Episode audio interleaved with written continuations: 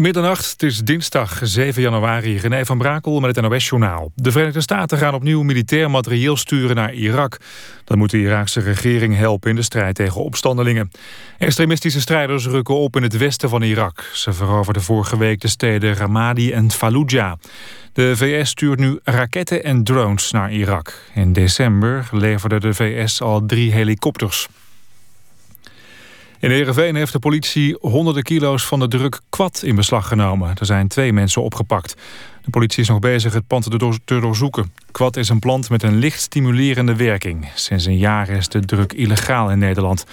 Kwad wordt veel gebruikt in landen als Kenia, Somalië en Jemen. Soedan en Zuid-Soedan overleggen over het veiligstellen van de olieproductie in Zuid-Soedan. President Bashir reisde daarvoor naar het zuiden af om met de regering te overleggen.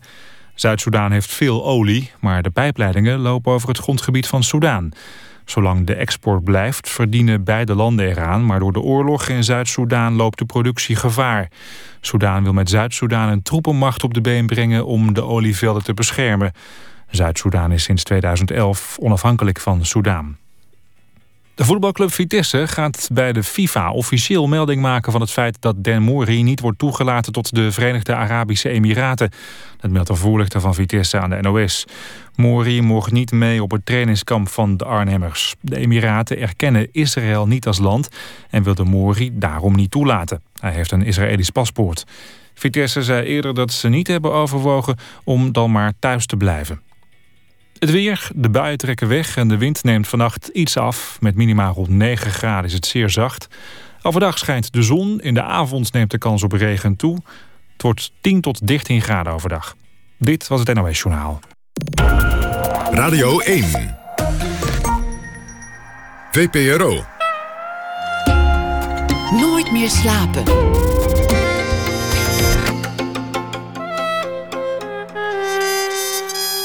Met Pieter van der Wielen.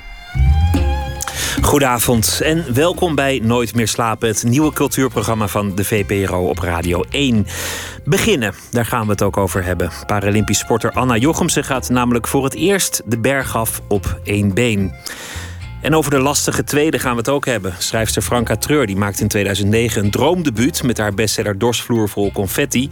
Na één uur vertelt ze over haar tweede boek, De Woongroep. Maar we beginnen met jazz en Chet Baker en De Dolende Mens. Hartelijk welkom Matthijs van der Zande Bakhuizen.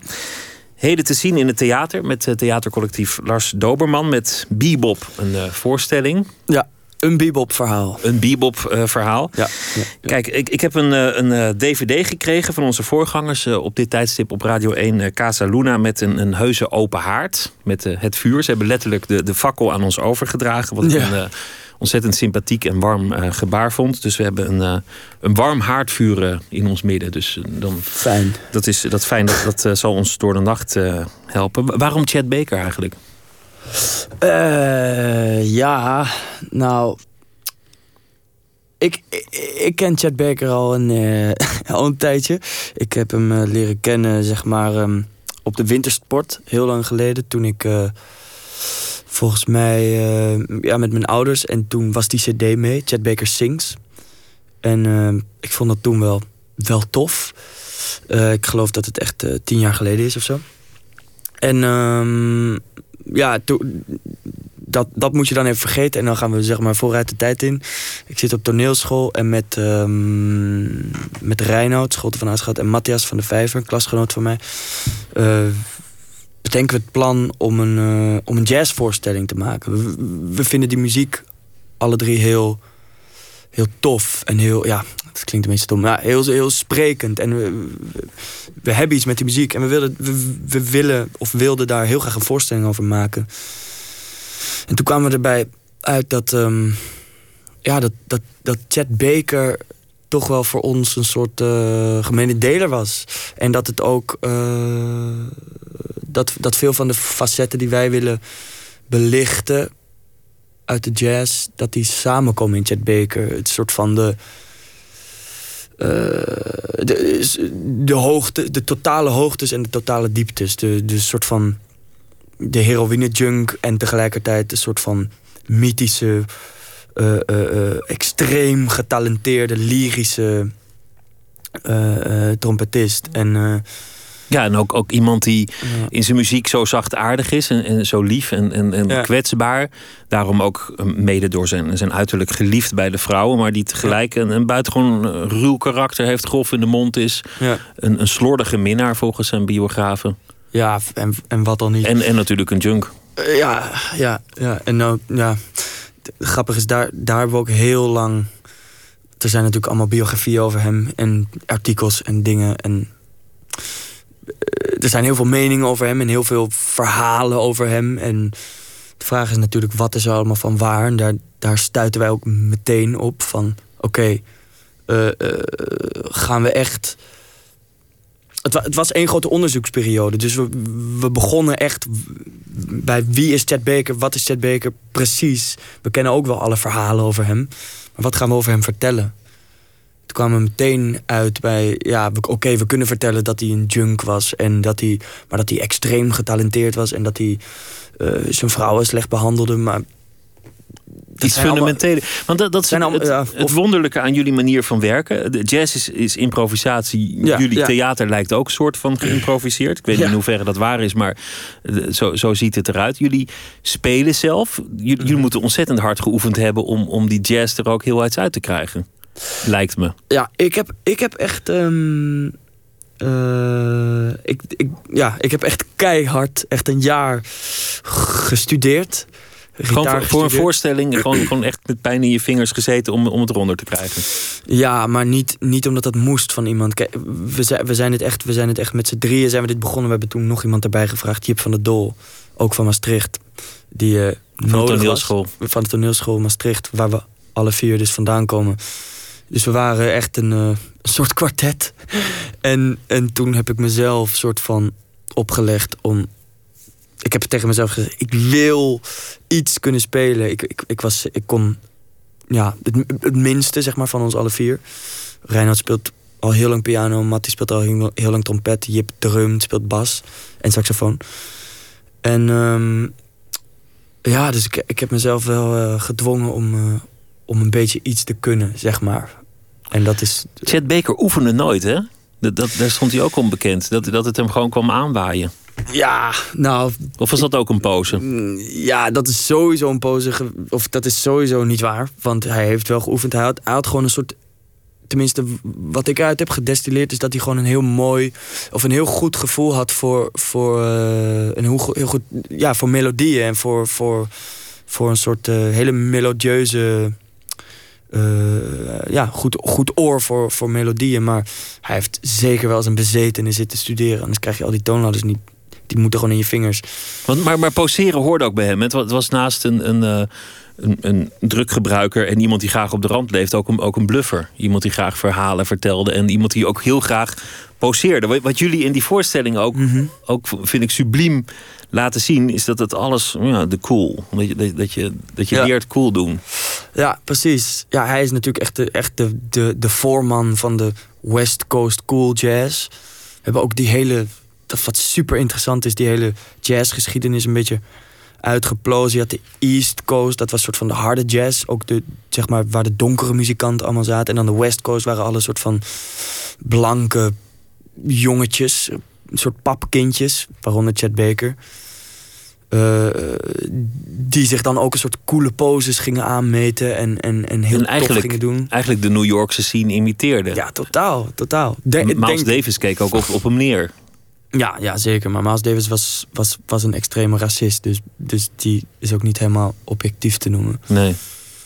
Uh, denk ik, hè? Ik bedoel, ik, ik weet het niet, maar, want ik was er allemaal niet bij. Maar, er is heel veel te vertellen dus over Chad Baker. Maar, maar je zei, wij wilden eigenlijk toe naar een soort kern.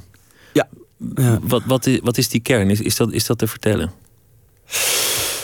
Oeh, ja, daar hebben, ja, daar hebben we lang naar gezocht. Um, waar, we, waar we zijn begonnen, de kern is een soort van.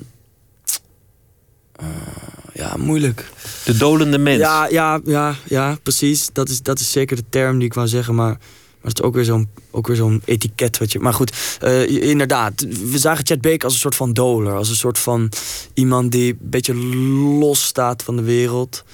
En, en en een soort eh, totale individu eigenlijk. Die, die een beetje lak heeft aan regels.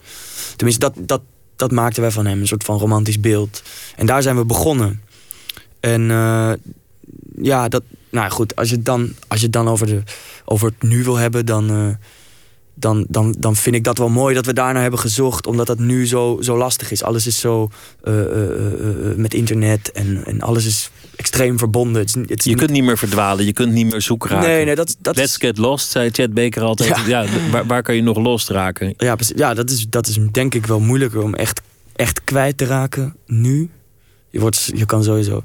Maar iemand die heel getalenteerd is, heel mooi is, alles mee heeft, uh, die, die van huis uit gestimuleerd wordt. En, en waar een soort zelfdestructiemodus op zit. Want dat had Chad Baker heel erg. Ja, de, de meeste jazzmuzikanten hadden dat in de jaren 50. Sommigen mm -hmm. gingen dood, sommigen kikten af. Chet Baker bleef dat tot het einde volhouden. Mm -hmm. een, een, man in een zelfdestructiemodus. Herken jij daar iets zelf in? Heb jij een zelfdestructieknop? Ik heb, uh, ik heb een knop, die zit op mijn buik. En uh, nee, nee, ik heb geen. Um...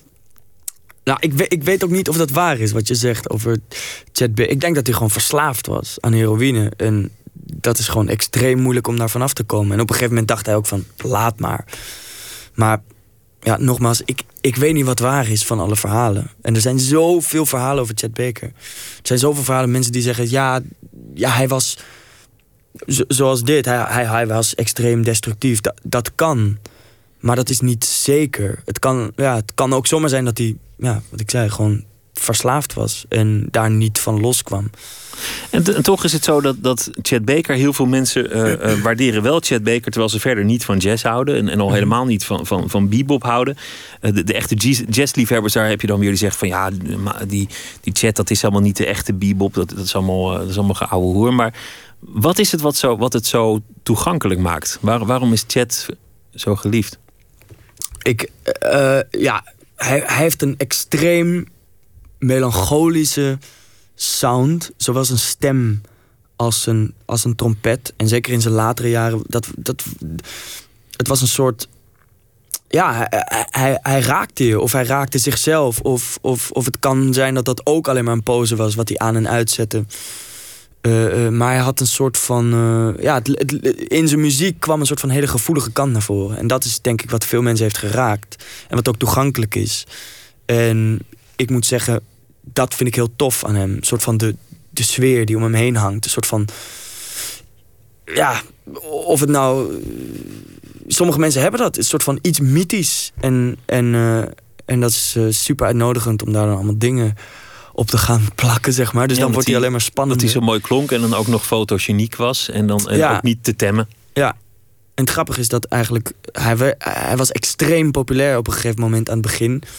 Maar de meest, eigenlijk zijn, zijn, zijn fans waren allemaal vrouwen. Allemaal. Allemaal vrouwen. Dus zijn muziek, zijn platen, hoe ze waren ook met een soort van hele knappe foto's van hem. En hij was gewoon een ster onder, onder alle Amerikaanse vrouwen. Die, de, de, de huisvrouwen, zeg maar. Dat is wel grappig. Laten we luisteren naar, naar Chet Baker. Want we, we hebben het al een tijdje over hem. Het, het, het nummer, een heel bekend nummer. The Thrill is Gone.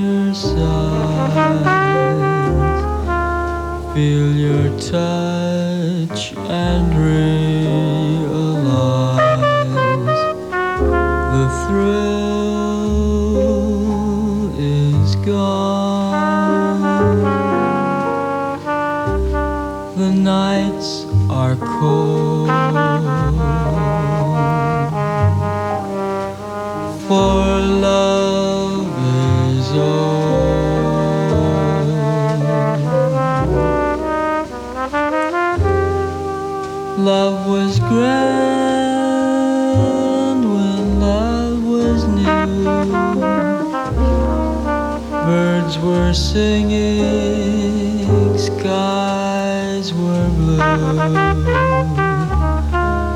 Now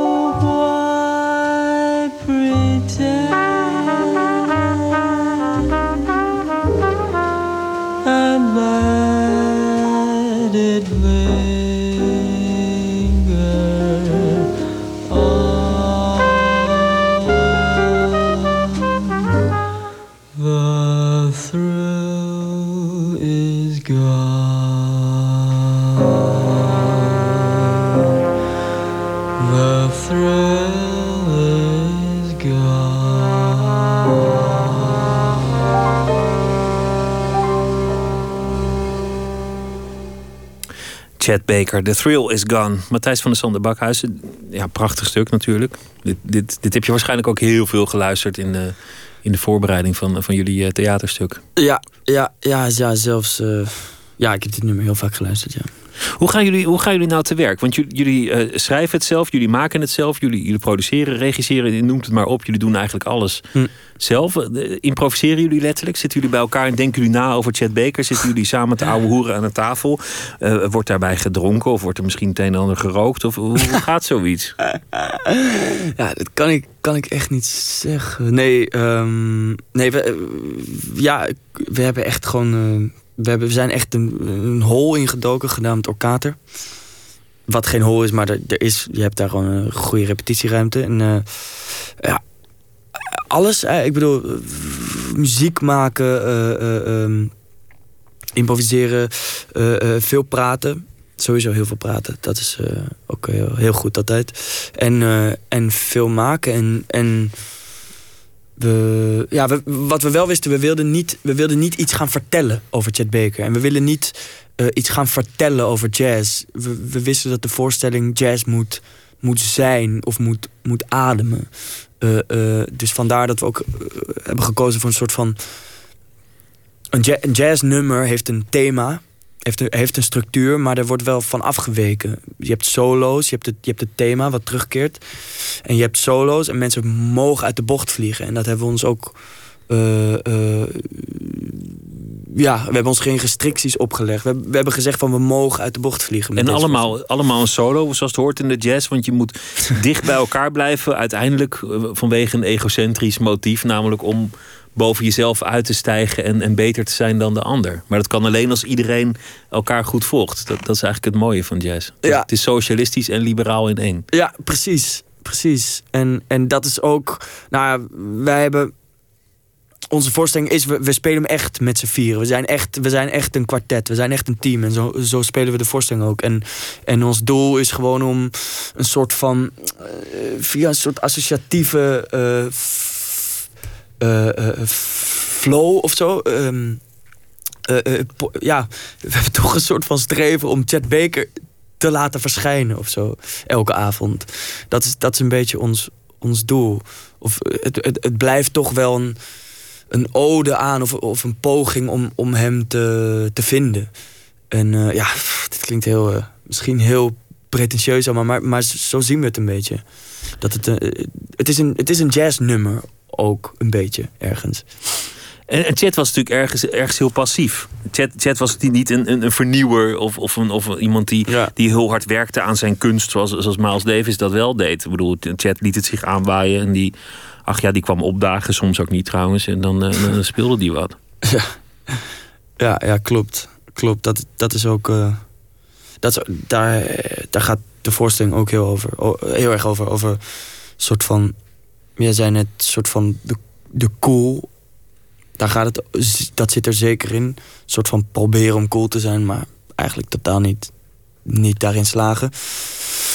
En een soort van, ja, een soort van passiviteit die hij denk ik wel gehad moet hebben. Uh, een soort van, van mij best of zo. Vind allemaal goed. Dat, er- dat hoort ook bij Cool. Je, je- jij Ja. doet het samen met, met eh Reinoud Schot van Aschat. Jullie kennen elkaar echt al, al eh, als, als, als peutertjes, denk ik. Hè? Ja, ja, ja, we kennen elkaar wel lang, ja. ja. En samen, jullie, jullie vaders waren al, al vrienden. Klopt. Op, opgegroeid en, en allebei ook in het vak, zo- zoals het dan heet. Jou- Jouw, eh, jouw vader was regisseur en heeft ook een, een tijd de ambitie gehad om in ieder geval om, om acteur te worden. Ja, ja, Dat is, dat, is, dat is wel een geestig gegeven, lijkt me. Hm. ja zeker. Zeker, dat klopt. En ook een parallel met, eh, met Chet Baker. Want eh Chet Baker, zijn vader, was ook muzikant. Hij volgde ook in de voetstappen van zijn vader. Klopt, ja. Zijn vader was een, was een maar wel niet een heel erg geslaagde. Niet, niet zoals hij. Hij Was meer, op een gegeven moment was hij ook een beetje werkeloos en eh, een soort, soort mislukte. Wat was het? Hij, speelde gitaar, maar ook, ook, eh, ook trompet volgens mij. En had een strafblad en, eh, en, en Ja, vloog nog wel eens uit de bocht en, en, en dat Ja, soort dingen. Ja. precies. Jouw vader, gaan we, gaan we het maar meteen even over hebben. Want eh, Willem van Sander Bakhuizen, Mhm. ehm, regisseur van, nou ja, eigenlijk mm, nou, een van de leukste films die ik ooit heb gezien, Cloaca. Ja. Een, van de, een, van, een van de meest geslaagde Nederlandse films aller tijden. Ja, Z- zonder enige, enige twijfel. Maar hij, hij is begonnen als acteur. Hij wilde graag naar de, de toneelschool in, in Maastricht. Hij heeft het daar niet gered. Ja. Was, dat, was dat voor jou überhaupt een afweging om er zelf wel naartoe te gaan? Of, of ook naartoe te gaan? Nee, ik, ik wilde echt. eh, het zat echt he- totaal in mijn plan om, om daarheen te gaan. Ja, ik wilde echt. eh, ik, ik wist niet zeker na mijn middelbare school wat ik nou precies ging doen. Maar toen kwam ik erachter dat ik, ja, eigenlijk. Eigenlijk toch dit wel heel graag wilde. En toen eh, wist ik van, ik, ik wil naar Maastricht. Waarom. Maastricht? Ehm, ik had het gevoel dat ik weg moest uit Amsterdam. Ik wilde naar een soort van eh, isolement toe. En ik had het idee van, dat is er in Maastricht. Ik wilde... Ja, en, en, en natuurlijk omdat mijn, omdat mijn vader er ook heen was gegaan... Dacht, had, ik, had ik daar automatisch al een soort van meer mee dan met Amsterdam en, eh, of Arnhem. Hij heeft dat niet meer meegemaakt dat jij, dat jij er naartoe ging. Nee, nee, dat was na, was na, na zijn dood. was- Jij ja. was toen 16 toen hij overleed? Eh, ja, zo, zoiets, ja. ja. Ja. Ik weet, het- weet het niet precies meer. Maar het klopt, ja. Ja. Vind je het vervelend om erover te praten eigenlijk? Nee, nee, nee, helemaal niet. Helemaal niet. Nee, maar ik... eh, nee, totaal niet. Nee, nee. Nee, want ik, ik meende even een soort, soort, soort ongemak eh, te merken, maar misschien, Oh, nee, misschien nee, was nee, dat nee, helemaal nee, niet. dat, dat komt meer omdat ik dan gewoon niet echt weet wat ik over die periode zou moeten vertellen. Maar ik vind het totaal niet vervelend. Nee. Nee. Ja, het is, het is gewoon je vader en op een gegeven moment is, is je vader niet meer. Dat, Ja. eh, zo, zo gaat het. Ja, precies. Maar inmiddels ook alweer... Pff, Jezus, negen jaar geleden, tien jaar geleden, zoiets. 2005, klopt dat? Ja. Ja, ja. Ja op, op gegeven moment, ja, mijn vader is ook al heel lang dood. En dan op een gegeven moment is dat eh, is toch gek genoeg een beetje een verhaal geworden. Ja. dat je, de, de dood van je vader. Ja, ja precies. Ja. Ja, wat, wat ik zelf wel altijd heb gehad, is dat je, dat je, dat je niet voorbij die leeftijd kan denken. Als iemand jong sterft, mijn, mijn vader stierf jong, dat, dat, ik, dat ik eigenlijk altijd op die leeftijd, 58 was dat, dat ik daar niet zo goed voorbij kan kijken. Dat klinkt misschien heel pretentieus, maar ik hoor het vaker van mensen. Eh, je bedoelt... Hè, even, wat bedoel Als, je, nou, als iemand bijvoorbeeld begint over een pensioen vanaf Mhm. je zestigste, dat je dan denkt, ja, dan bij die 58 zit toch een soort blokkade waar je doorheen moet. Oh, zo. Ja, ik... eh, Ja, ik... ik ik weet, ik, ik, ik, heb zo, ik kwam er sowieso laatst achter dat ik niet extreem veel meer van mijn jeugd wist. Niet omdat er een blokkade zat, maar, maar gewoon eh, kwam ik achter. Blokkade is echt zo'n psychische term. Is dat, is dat belangrijk voor een acteur om, om, om jezelf psychisch te onderzoeken, om, om jezelf te kennen? Ehm, ja, ik denk dat het wel... eh, je hoeft natuurlijk niet op het, op het therapeutische... Ik bedoel, je hoeft niet een soort van... eh, eh, geforceerd allemaal dingen te gaan opzoeken. Maar ehm, ja, ik denk dat het wel goed is om jezelf te kennen, ja. En... ehm, ja, nou goed, wat dat, dan, eh, wat dat betreft heb ik aan Maastricht heel veel gehad. Want dat leer je daar. Nou ja, het is, ik, denk, ik denk dat het is wat je eruit haalt, sowieso. Dat geldt denk ik voor alles ook. Maar ehm, ik, ik, heb, ik, heb, ja, ik heb aan die school heel veel gehad. En ik heb, ik heb, ik heb zeker wel... eh, een stukje van mezelf eh, leren kennen, ja. Maar het, is- Ja, want, want als, als acteur... één grote zoektocht, joh. Ja, tuurlijk. Nou, nou ja, dat, dat, dat, is, dat is volgens mij ook iets wat bij jou past. Wat- ik, wat ik van mensen over jou hoor, is, is dat, jij, dat jij zelf altijd zoekend en, en twijfelend bent. Ja, Dat, ze- Ja, dat, ja, dat zegt Reinoud. ja, ja, ja, Reinhard probeert me ook wel zwart te maken, hoor. Achter mijn rug om. Hij, hij is een hele huigelachtige jongen. Nee, dat is niet waar. Nee. Maar ehm, eh, ja, ja, klopt, klopt. Ik, ik, ik, heb, wel, eh, ik heb wel iets, iets ehm, ja, twijfelends is misschien, eh, is misschien een beetje negatief, maar eh, zoekend. Ja, absoluut, absoluut. En ehm, nou, dat is, is inderdaad soms eh, voor mezelf ook wel lastig. Alsof ik nooit zeker weet van, hé, wacht even, is dit het nou, is dit het nou, is dit het nou? Maar ehm, aan de andere kant vind ik het ook wel fijn, omdat ik merk dat ik eh, altijd eh, ja, probeer verder te kijken en verder te zoeken en verder te. Ja, het is misschien ook wel vermoeiend, maar eh, ik, ik, ik, ik, zie het wel als iets, als iets positiefs, zeg maar. We hadden het erover of je jezelf moet kennen om, om als acteur te kunnen schitteren. Moet je bijvoorbeeld alle rollen in jezelf kunnen vinden? Jij, speelde in, in Schemer speelde je een, een beminnelijke, doch buitengewoon slechte jongen. Een, moordenaar. Iemand die in koele bloeden iemand anders vermoordt. Een, zeer rancuneus. Iemand, moet, moet je dat dan in jezelf kunnen vinden? Ga je dan echt bij jezelf zoeken van... waar haal ik deze rol vandaan? Mm. Mm, denk hoor. Ja. Ja, ik, ik, ik, het is voor mij eigenlijk ook nog steeds een soort van. Ik heb niet één methode of zo. En. Het is nog steeds voor mij ook een mysterie hoe ik, hoe ik alles. ik, ik, ik, het is niet dat ik, dat ik een soort van iemand anders probeer te zoeken in mezelf. Ik probeer gewoon te kijken van, oké, wat zijn de, misschien wat zijn de raakvlakken? Waar, waar kan ik, kan ik iemand begrijpen? En het helpt voor mij sowieso om veel te, veel te praten over, over een rol. Of over een, en het is ook, het is ook een, een rol, ja, staat op papier en die, die leeft pas als, eh, als, als de acteur hem zeg maar gestalte geeft. En dat ben ik dan in dat geval. Dus, dus je kijkt eigenlijk ja, naar een interpretatie van een rol, denk ik. En dat is heel tof, want die zal voor elke acteur anders zijn. Dus daarom is het ook, zie ik het denk ik meer als, als hoe, ja, hoe interpreteer ik een rol? Of wat, wat, wat haal ik eruit? Wat is mijn Ja. waarheid die ik daaruit haal? En, en dat is dan iets waaraan ik mezelf kan, kan spiegelen. Als, als, als ik een rol lees en dan eh, denk ik van... oh, wacht even, hij zit zo en zo en zo in elkaar. Dan is dat hoe ik hem zie. En dan, dan, dan doordat ik dat... Ja, het is misschien complex, eh, complex van, maar doordat ik dat erin lees... spiegel ik me eraan en eh, kan ik me er automatisch al in vinden. Maar, je zei dat ik ben een twijfelaar. Ik noem nu een film van, van alweer een paar jaar terug, Schemer. Ik, vond, ik vond het een hele gave film. Maar, maar als jij die film nu ziet, kijk, kijk je daar nog naar? Kan je dat nog terugzien of, of ben je dan alweer Ik- verder? Ik heb die film al een tijd niet gezien. Maar eh, ja, in principe is het wel de bedoeling om, om verder te gaan, ja. Maar zie, zie je alleen je fouten? Eh, nee, ik zie niet alleen mijn fout. Nee, maar ik zie wel. Ik zie wel. eh, eh, ja, ik denk zoals iedereen. Dingen die ik heb laten liggen. Misschien een soort andere aanpak die ik nu zou toepassen. Ja, het is, het, het is toch iets van een aantal jaar geleden. En. ja, ik, ik blijf het sowieso moeilijk vinden om naar mezelf te kijken. Ik, ik ben er niet een extreme fan van. Sowieso niet. Om jezelf terug... Nee, dat, dat, heeft, heeft, uiteindelijk, niemand, heeft uiteindelijk niemand. Maar Behalve echt super gewoon mensen. Nee, ik weet niet. laat, laten we nog luisteren naar, eh, naar Chad Baker. Daybreak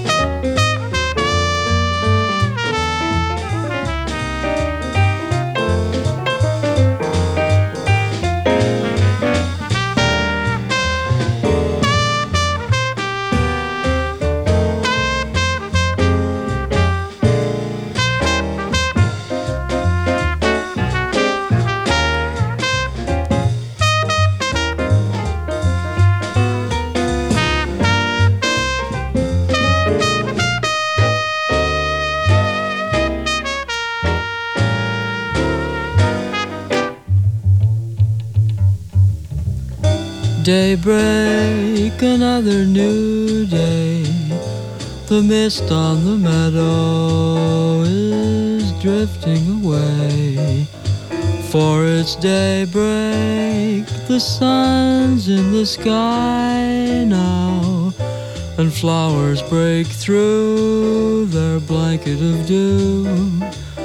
Sunrise, how lovely it seems to see from my window a sky full of dreams.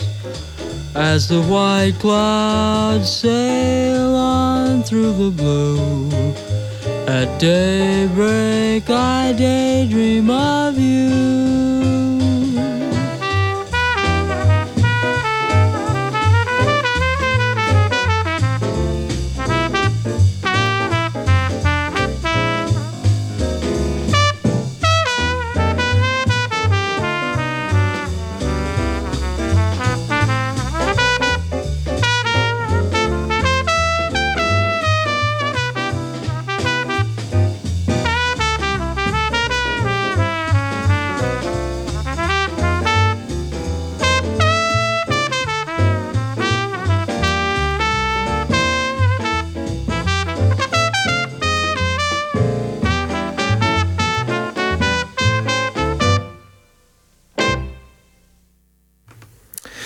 Daybreak van uh, Chad Baker.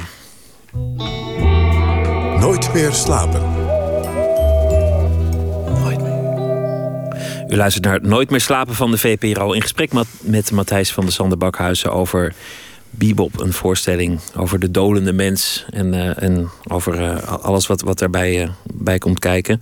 Ja, hij is, hij is uit, het, uit het raam ge dondert hier in Amsterdam. En uh, allemaal mysteries. Want het raam kon eigenlijk helemaal niet open. Dus, dus voor wie van complotten houdt, is daar, uh, is daar ook nog van alles te vinden. Ja, dat, is, uh, dat blijft een mysterie. En de politie die dacht, ach, daar ligt een, een, een junkie. Die, ja. die hebben hem helemaal niet herkend natuurlijk. Nee.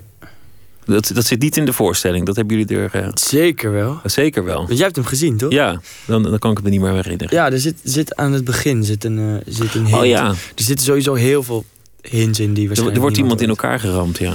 Ook. En er, er, er, er valt misschien wel iemand uit een raam. Die misschien wel Chet Baker was. Ja, het is waar, ja.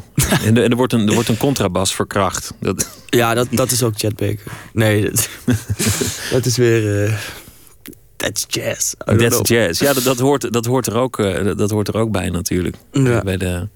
Is, is theater, uh, theater of film? Want ik, ik vind jou iemand die heel erg, met, met, um, heel erg van de mimiek moet hebben. Maar, maar toch lijkt je zelf een soort voorkeur voor theater te hebben.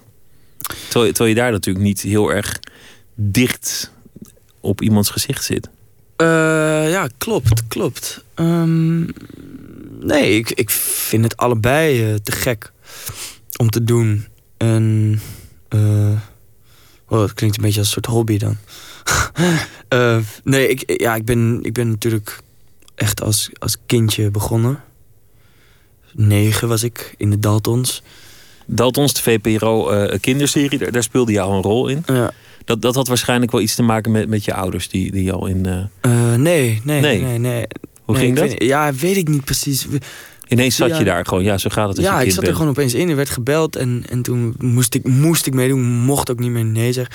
Nee, ik, ik, volgens mij was het uh, Marta Moyet. Of dat weet ik wel zeker. En um, kindercasting. En, en, en dat was dan wel via, via mijn ouders gegaan. Via, via hadden die dat gehoord. En nou ja, zodoende. Is, is er ooit, ooit twijfel geweest in je leven of je wel acteur wilde worden? Als je, als je op je negende uh, in een tv-serie ja. speelde, als, als je ouders al uh, regisseur uh, en, en, en, acterende ambities hadden? Ja, grappig. Nee, eigenlijk niet. Ik, maar... heb, ik heb de knipselmap gelezen en het is altijd heel flauw om iemand met, met jeugdige citaten te, te bekogelen. En, en, je weet welke ik ga, welke ik ga noemen. Oh ja, Welk citaat? Oh ja, ja, ja, ik weet het wel. Wacht. Het is volgens mij, ik heb hem ook wel eens gelezen. Wat een nerd was ik. Maar ik was nou, je zei, ik, ik, ik wil zeker later geen acteur worden. Oh. Mijn missie in het leven is dieren redden. Ah, ja, ja, ja. ja dat is volgens... Maar wat ook, uh, acteren is eigenlijk... Uh, uh, niet in de camera kijken of zo, zoiets. Maar ik was natuurlijk negen, hè. Ik had net een grote serie gedraaid en ik dacht echt dat ik echt de koning, de koningin van de wereld was. De koning natuurlijk, bedoel ik. Nou ja, je, je, je, je was ook een soort kindster eigenlijk. Ja, soort, ja. of, of heb je dat zelf niet zo, niet zo ervaren? Makalken. Uh, ja, misschien wel. Misschien wel een beetje, ja. Maar dat is, dat is ja. Maar je vroeg net of, of ik ooit heb getwijfeld. Of, of er ja. twijfel was. Ja, omdat je, je bent een twijfelaar. En, en dit stond eigenlijk dan min of meer al vast op je negende. Ja, ja misschien, misschien had ik daar moeten twijfelen. Ja, waarom? Ik weet het niet. Nu, nu, nu maak je me helemaal aan het twijfelen. Nee, nee. Um, uh, ja, waar, ik weet het niet. Ik weet, ik weet niet. Ik weet het niet precies. Nou, ik weet het wel. Ik vind het gewoon te gek. En uh, ik, ik wil dit doen. En ik heb het idee dat, dat hier mijn, uh, mijn, mijn, mijn passie ligt. Maar ik, ik had dat, ik had dat, heb ik, dat heb ik altijd gedacht. Ik kan niks anders dan dit. En ik wil ook niks anders dan dit. En gek genoeg heb ik juist nu, nu het gevoel dat het, dat het ook zou kunnen veranderen. Ik zou niet weten waarin. Maar maar, maar besef je niet wat een, wat een luxe dat is? Want heel veel mensen die, die vragen zich af: wat, wat moet ik met het leven? Ik, ik zou willen dat ik een bijzonder talent had. Of, of mensen denken: ik, ik zou willen dat ik wist wat ik, wat ik wilde met het mm leven. Beroepskeuzes testen of, of uh, ja, dolend. Ja. Maar, maar jij zelf hebt dat nooit gehad, dat dolen eigenlijk? Nee, maar dol genoeg. In, in andere dingen. In andere dingen. Maar en daarnaast, ja, ik, ja, wat ik lastig vind is, is, is um, ik weet niet meer goed wat voor een. Uh, of ja, de, de recente ontwik ontwikkelingen rondom uh, zeg maar de cultuur in, in Nederland. Uh, ja, dat, dat, dat vind ik wel moeilijk. En dat zorgt. Want er zijn veel acteurs werkloos. En, en van de toneelschool afkomend zijn er natuurlijk ook. Ik bedoel, na, nou, na vijf jaar heeft er geloof ik, eh, heeft geloof ik een, kwart een, een kwart een baan of zoiets. Of, nee, of, werk, ja, ja, werk. Ja, dat sowieso, dat sowieso. Maar, maar ook, ook zeg maar het, het aanzien wat de, wat de cultuur in Nederland nu een beetje heeft. Of, de, of, de, of het. Uh, ik, of misschien is dat nu alweer minder hoor, maar ik heb het, ik heb het idee dat daarin wel een, omslag is geweest. Of nu nog steeds bezig is. Een soort van, uh, een soort van negatieve, negatieve smaak roept het op. Uh, uh, de kunsten door, door een soort van slechte PR van, van nou, snap het maar misschien, misschien eigenlijk, ik vraag me eens af of dat ooit anders is geweest. Of, of, of in Nederland, ja, we, we hebben altijd hele goede schrijvers en hele goede uh, acteurs en uh filmmakers en schilders gehad. Maar eh, in de, in de ogen van het brede publiek waren het natuurlijk altijd uitvreters. Ja. Dat is nooit ja, anders geweest. Ja, misschien. Ja, nou goed. Ik, ik heb het idee dat dat nu, dat dat nu uh, Oh, dat is nu, dus meer. Uh... Dat dat, ik heb het idee dat het nu wel extremer is dan, dan eerst, in ieder geval. Er werd, werd in ieder geval de laatste jaren met weinig uh, bewondering over gesproken. Ook ja, precies. Politici. Maar trek jij je dat aan? Is, is dat... Ja, zeker, zeker. Maar is dat ook iets wat je je aantrekt in de zin van, van moet ik dit beroep nog wel doen? Gaat het zover? Uh, dat ook. Ook een soort van realiteitszin van oké, als ik geen werk meer krijg en als ik, weet je, dan dan, uh, ja, dan, dan is het klaar. Maar ook, uh, ik heb ook heel, heel erg nagedacht zelf van wat... Uh, ja, ik, ik, snap dat wel. Die, die, die soort van... dat er nu een... Ik, ik vind het jammer dat er een soort van strijd tegen wordt gevoerd. Tegen de kunst nu lijkt het. Dat er een soort van linkse elite zogenaamd... Um, alleen maar profijt heeft van de kunst en de rest van Nederland moet, moet daar mee betalen of zo. En, en zou het dan allemaal niet snappen of, of heeft er niks mee of weet ik veel wat. Maar uh, ik, ik snap dat er gesnoeid moet worden en, en, en dat dit zeker een. Uh, dat er belangrijke dingen zijn, zeg maar. Maar ik heb, wel, ik heb wel veel nagedacht over van... Ja, inderdaad, is kunst wel echt nodig? Is het, is het wel... Um, is het wel echt belangrijk? Uh, ik, ik voelde me ook een beetje een soort van... ja, een soort van uitvreten. Een soort van... Uh, wat doe ik eigenlijk? Wat ben ik eigenlijk aan het doen? Uh, ben ik mijn hand aan het ophouden? Maar, je, maar je ziet toch elke avond, elke avond die volle zaal applaudisseren... die, die een, een, geweldige avond hebben gehad en die, die daarover nadenken? Ja, precies. En, en, en dat is Je hebt toch die binding met dat publiek? Nee, nee, absoluut. Ik ben de eerste om, om, om dat te zeggen. Maar ik, ik, ik, Maar, maar toch, toch twijfel je daar dan aan? Nee, nee, nee. Ik, ik twijfelde inderdaad. Ik zeg alleen dat ik er veel over heb nagedacht. En dat ik het, dat ik het, eh, ja, dat ik het wel een, een, lastige ontwikkeling vind, zeg maar. Ik vind, ik vind het wel grappig, want ik had, ik had gedacht toen ik, toen ik met je ging praten... van ik krijg een, een aanstormend talent aan tafel. Iemand die, die al ontzettend ervaren is, ook al is die relatief jong. En, en nu, nu heb ik iemand aan tafel die eigenlijk, eigenlijk veel onzekerder daarin klinkt dan, dan ik had gedacht. Nee, niet, niet onzeker, maar wel, re- Nou ja, realistisch. onzeker, onzeker over de toekomst. Niet Ja, onzeker oh, over zo. jezelf, maar Ja. onzeker over de toekomst. Ja, ja, ja, misschien wel. Misschien wel, ja. Sorry dat ik je vader erbij haal, maar die- jouw vader heeft eigenlijk zijn hele leven gevochten met, met de bureaucraten. Liep, liep altijd met, met goede ideeën op zak en maakte intussen eh, overigens hele aardige series als, als eh 12 steden, 13, 13 ongelukken. Mhm. Ja, ja, maar, maar pas later bleek dat hij, dat hij een veel groter talent had dan hij eigenlijk ehm, al zijn, zijn hele leven kon laten zien. Pas, Mhm. pas laat in zijn leven kwam hij met, met zo'n film als Cloaca. En Ja. het is eigenlijk jammer dat hij er daar niet meer van heeft, heeft kunnen maken. Ja, zeker. En dat, dat ligt natuurlijk omdat hij te jong is gestorven. Maar ook omdat het hem heel lang niet werd gegund door de, de omroepen, filmfondsen, bioscoophouders en, en noem maar op. Ja, ja ik, heb, ik heb daar, moet ik zeggen, niet heel veel van meegekregen. Nee, Eh, nee, want je was, je was, jong. wat jonger. En ehm, ik- ja, ik heb gelukkig niet hetzelfde. Ik bedoel, bij mij gaat het echt... Je strijdt eh, niet met, de- met, met de molens der bureaucraten in die zin. Nee, nee, helemaal niet. Ik, ik, ik, ik, heb, ik heb een te gekke plek waar ik nu eh, deze voorstelling, mijn eigen voorstelling heb kunnen maken. Dit, dit voelt echt als een, als, een, als een kindje van ons. En, en ehm, dat, is, dat is bij Orkater. En daar hebben wij gewoon eh, daar hebben wij onze plek gevonden. En we zijn ook al in gesprek nu over een volgende voorstelling. Zij vonden het tof, wij vonden de samenwerking tof. Dus, ehm, dus nee, ik, ik heb niet een soort van eh, frustratie over een miskenning of iets. Nee, maar, maar ik, mijn hoop voor. voor ja, ik, ik ben alweer iets ouder dan, dan jij. En, en het klinkt misschien heel openachtig. Maar mijn hoop voor, voor jouw generatie was eigenlijk altijd dat dat de generatie zou worden. die, die de bureaucraten zou afschudden. Om, omdat het de tijd is dat je, dat je gewoon zelf op je zolder een CD opneemt. Of dat je, dat je zelf met je, met je cameraatje een film maakt en het thuis Ja. monteert. En dat je dus eigenlijk. dat die generatie uiteindelijk zou zeggen: van nou ja, wij, wij hebben helemaal geen. Eh, filmfondsen, bureaucraten, Ja. omroepen, eh, bobo's, eh apparatchiks, geldschieters. We hebben ze allemaal niet meer nodig. We doen het gewoon. Nou, dat, dat, dat, eh, dat klopt. En ehm, ja, ja, dat klopt. Dat, maar dat wordt ook gedaan. Dat is eh, door, die, door de... Ik heb ze volgens mij al een keer eerder genoemd... maar door de jongens van Rabat en Wolf... Ja. eh, die, die maken dat gewoon helemaal zelf.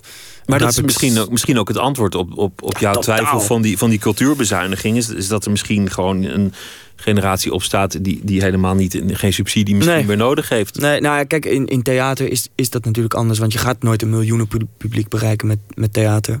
Dus je hebt daar subsidie voor nodig. Maar, ehm, maar ja, wat, wat zij doen is echt te gek. En ze maken veel betere films. Ik, ik, ik vind Rabat en Wolf echt... Ja, twee, twee van de echt de betere films van de afgelopen jaren. Dus, dus eh, laten we het maar zo maken. Liever, liever dat dan. Want dan, dat zijn te gekke films. Ja, ik sprak wel een beetje in verleden tijd. om- Omdat dat, wat ik tot nu toe wel zie. Ik zie ontzettend veel leuke eh, filmpjes en, en leuke zelfgemaakte dingen. Maar het, het, is ook, het is ook nog een cacophonie.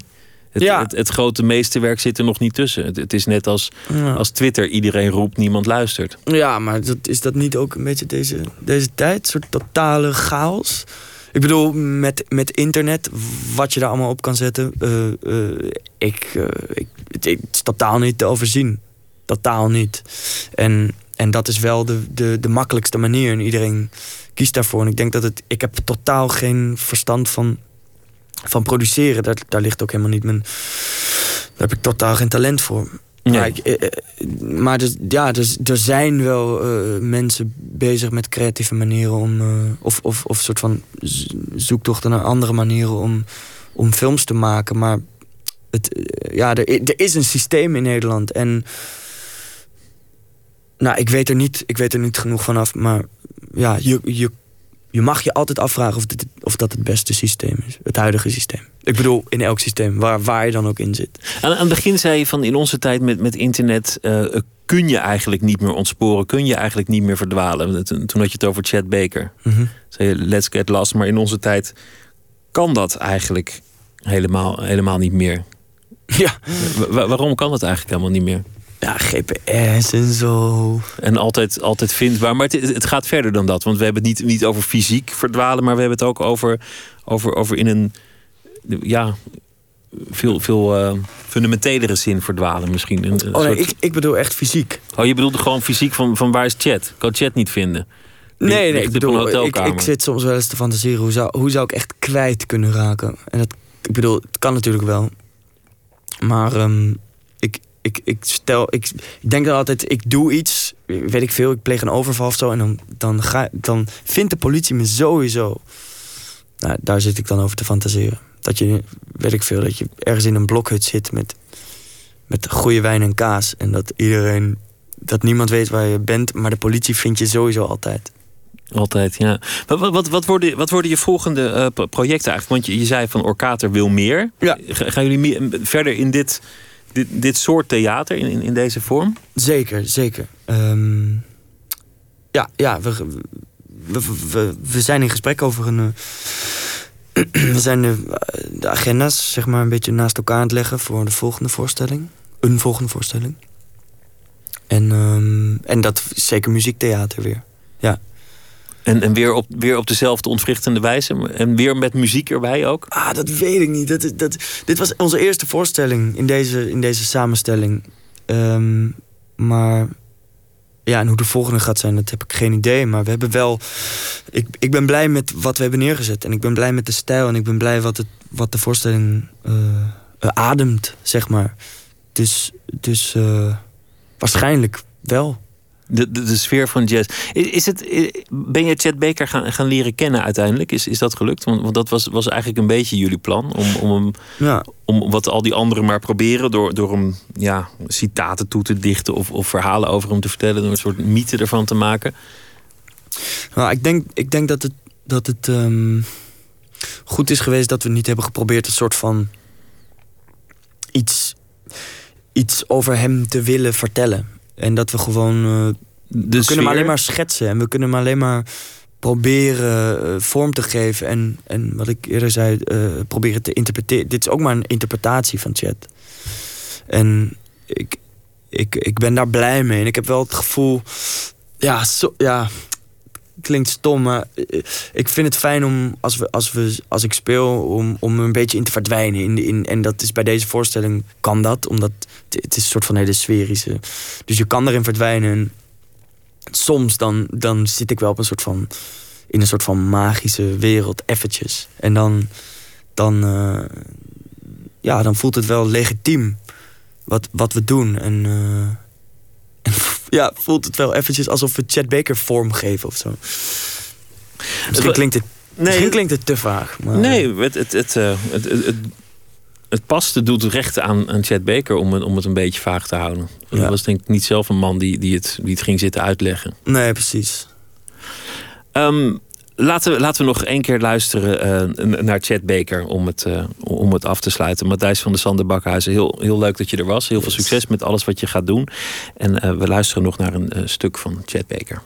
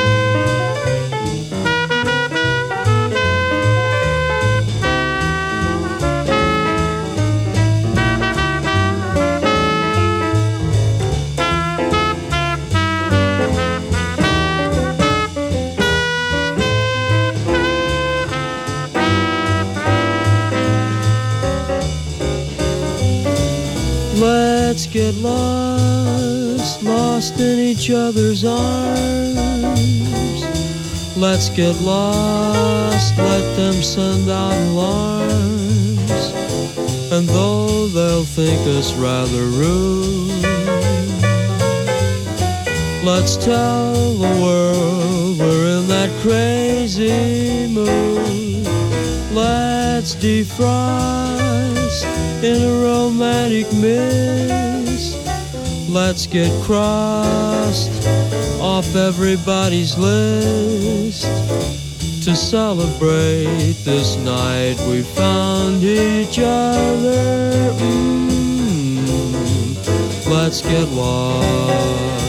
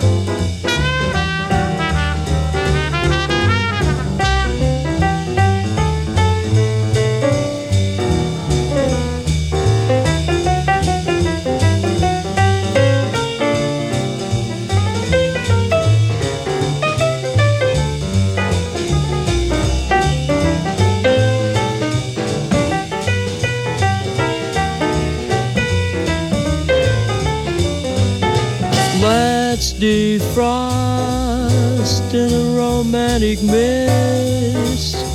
Let's get crossed off everybody's list to celebrate this night we found each other.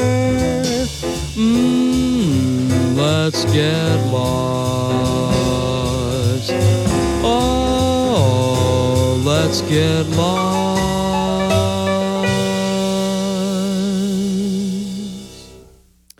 Chad Baker, Let's Get Lost. En wie de voorstelling wil zien, die kan kijken op de website van Orkater. Orkater.nl zal het wel zijn eh, voor alle speeldata. Want eh, de voorstelling is nog eh, overal in het land te zien. De hele week gaan we het uh, uiteraard hebben over. Nee, uiteraard, weet ik veel. We gaan het hebben over beginnen. Inge Terschuren bezoekt vier mensen die dit jaar voor een nieuw avontuur staan in 2014. En tijdens de teamoverdracht van de Olympische en Paralympische sporters ontmoeten ze alvast skiester Anna Jochemsen.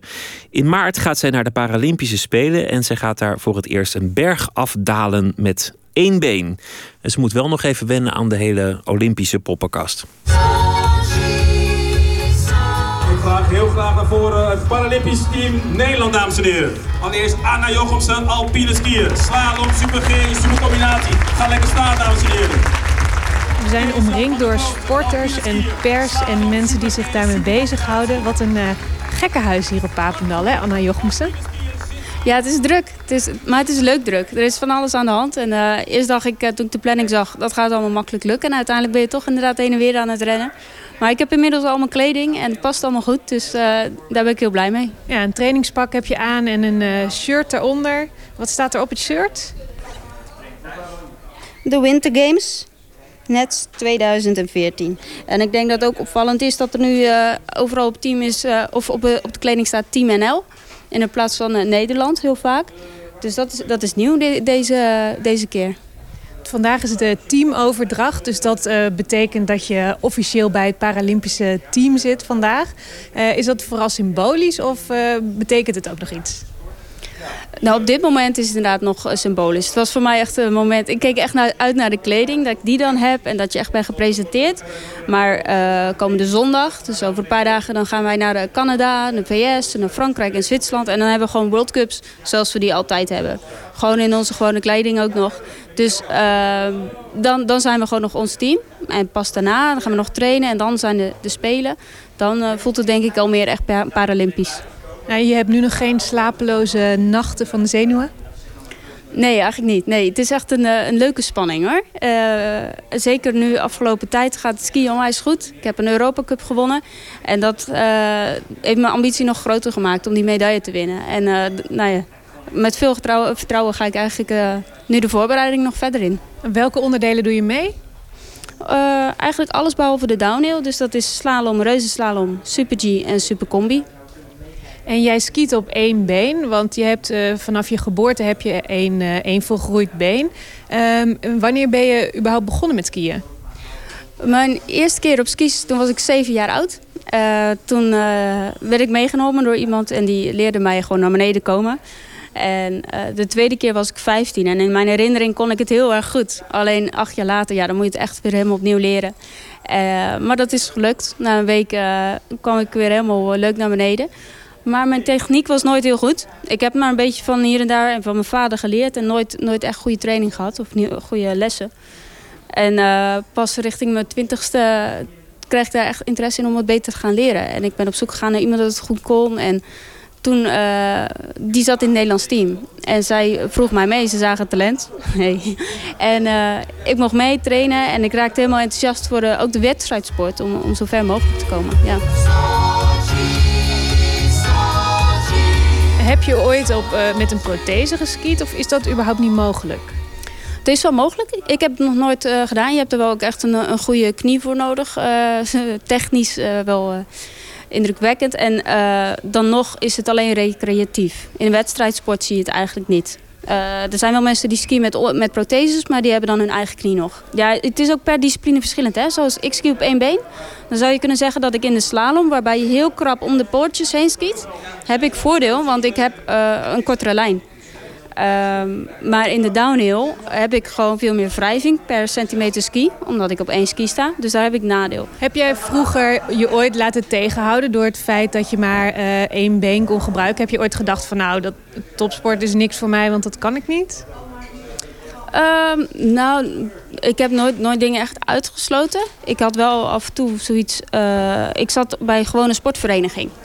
En dan uh, kom ik bij rennen blijf ik echt achter. Ja, dan kan ik echt nog zo sportief zijn en alles denken dat ik, wat, wat ik allemaal kan. Maar ik bleef echt achter. Dat is gewoon niet mogelijk dan om in te halen.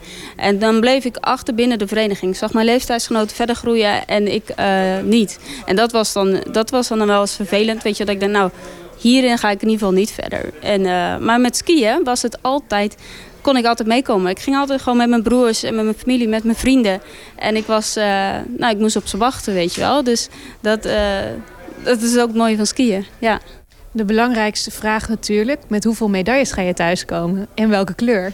Ja, dat, dat is altijd moeilijk om vooraf te zeggen hoor. Daar ben ik ook wel een beetje voorzichtig in. Maar uh, slalom, nou ja, daar maak ik echt wel kans. En nou, in Super Combi zit ook één slalomrun. Dus wie weet twee. Heel veel succes.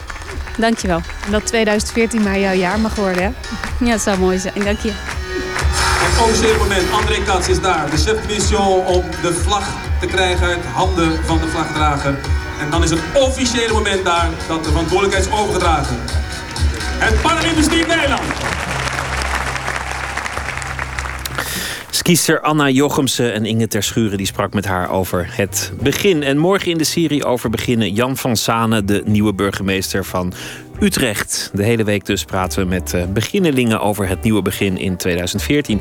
Straks uh, komen we bij u terug met uh, onder andere de nieuwe cd van Bruce Springsteen. Die is alvast uitgelekt. En Etenomi Parkin die schreef een verhaal naar aanleiding van de actualiteit. Die liet zich inspireren. En we praten met Franka Treur over het vervolg op haar succesdebuut Dorsvloer vol confetti. Het boek De Woongroep. Dat ligt nu in de winkel. Dat hoort u dus zometeen allemaal. En we gaan het ook hebben over ethisch verantwoorde mobiele telefoons. Dus uh, tot zo meteen.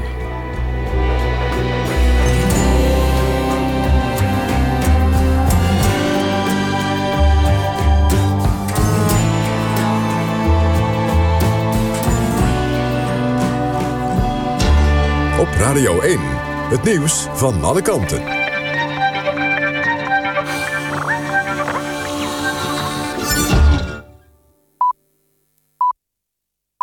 1 uur, René van Brakel met het NOS Journaal. De Fed, het Amerikaanse stelsel van centrale banken, krijgt voor het eerst een vrouw als hoogste baas. De Senaat in de VS is akkoord gegaan met de benoeming van Janet Yellen. Ze begint op 1 februari en volgt Ben Bernanke op. De 67-jarige Yellen was tot nu toe vicevoorzitter... en werd in oktober door president Obama voorgedragen. Ze is econoom en maakt zich vooral sterk voor het bestrijden van de werkeloosheid. De Fed is net begonnen aan het langzaam afbouwen van de miljardensteun aan de Amerikaanse economie. Yellen moet dat beleid de komende tijd voortzetten. Minister Dijsselbloem vindt dat Vitesse en de KVB zwak hebben gereageerd op de zaak rond de Israëlische voetballer Den Mori. Die mag de Verenigde Arabische Emiraten niet in vanwege zijn Israëlische paspoort. Vitesse is op trainingskamp in het Arabische land. De minister reageerde bij Knevel en Van der Brink op de kwestie. Hij vindt dat Vitesse niet had moeten gaan als niet alle spelers welkom zijn. Dijsselbloem was verbaasd over de reactie van Vitesse... en vindt ook de reactie van de KVB heel raar. De voetbalclub vond thuisblijven geen optie... maar legt de kwestie nu wel voor aan de FIFA. De Belgische koning Philippe heeft vorig jaar bijna 130.000 euro weggegeven aan burgers. Hij volgt daarmee het gebruik van zijn vader, die deed dat ook altijd.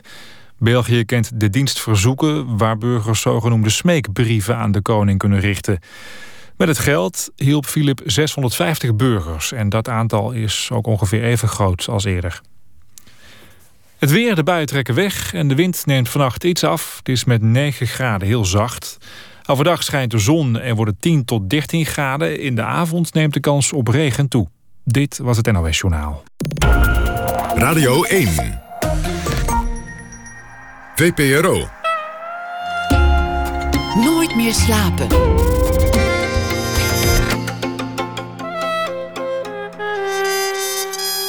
Met Pieter van der Wielen.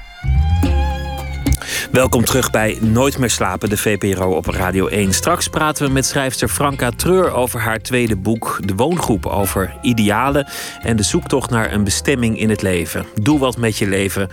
Maar ja, wat dan? En we gaan het ook hebben over ethisch verantwoorde mobiele telefoontjes... en over het nieuwe album van Bruce Springsteen. Althans, we draaien gewoon een, een nummer ervan. Maar eerst vragen wij elke dag een schrijver of een dichter... om zich te laten inspireren door de actualiteit. Om literatuur te schrijven naar aanleiding van iets dat gewoon in de kranten stond. En deze week praat ik met VSB Poëzieprijswinnares Esther Naomi Perkin. En die heb ik nu aan de lijn. Goedenavond. Goedenavond. Goeienacht moet ik zelfs uh, zeggen. ja. Ja, de, de opdracht was laat je inspireren door de actualiteit. Beschrijf met uh, fictie iets, iets dat uh, in werkelijkheid gebeurt. Was het een makkelijke opdracht? Nou, um, zodra je gaat kijken naar de actualiteit... kom je erachter dat er heel veel actueel is. Elke dag weer.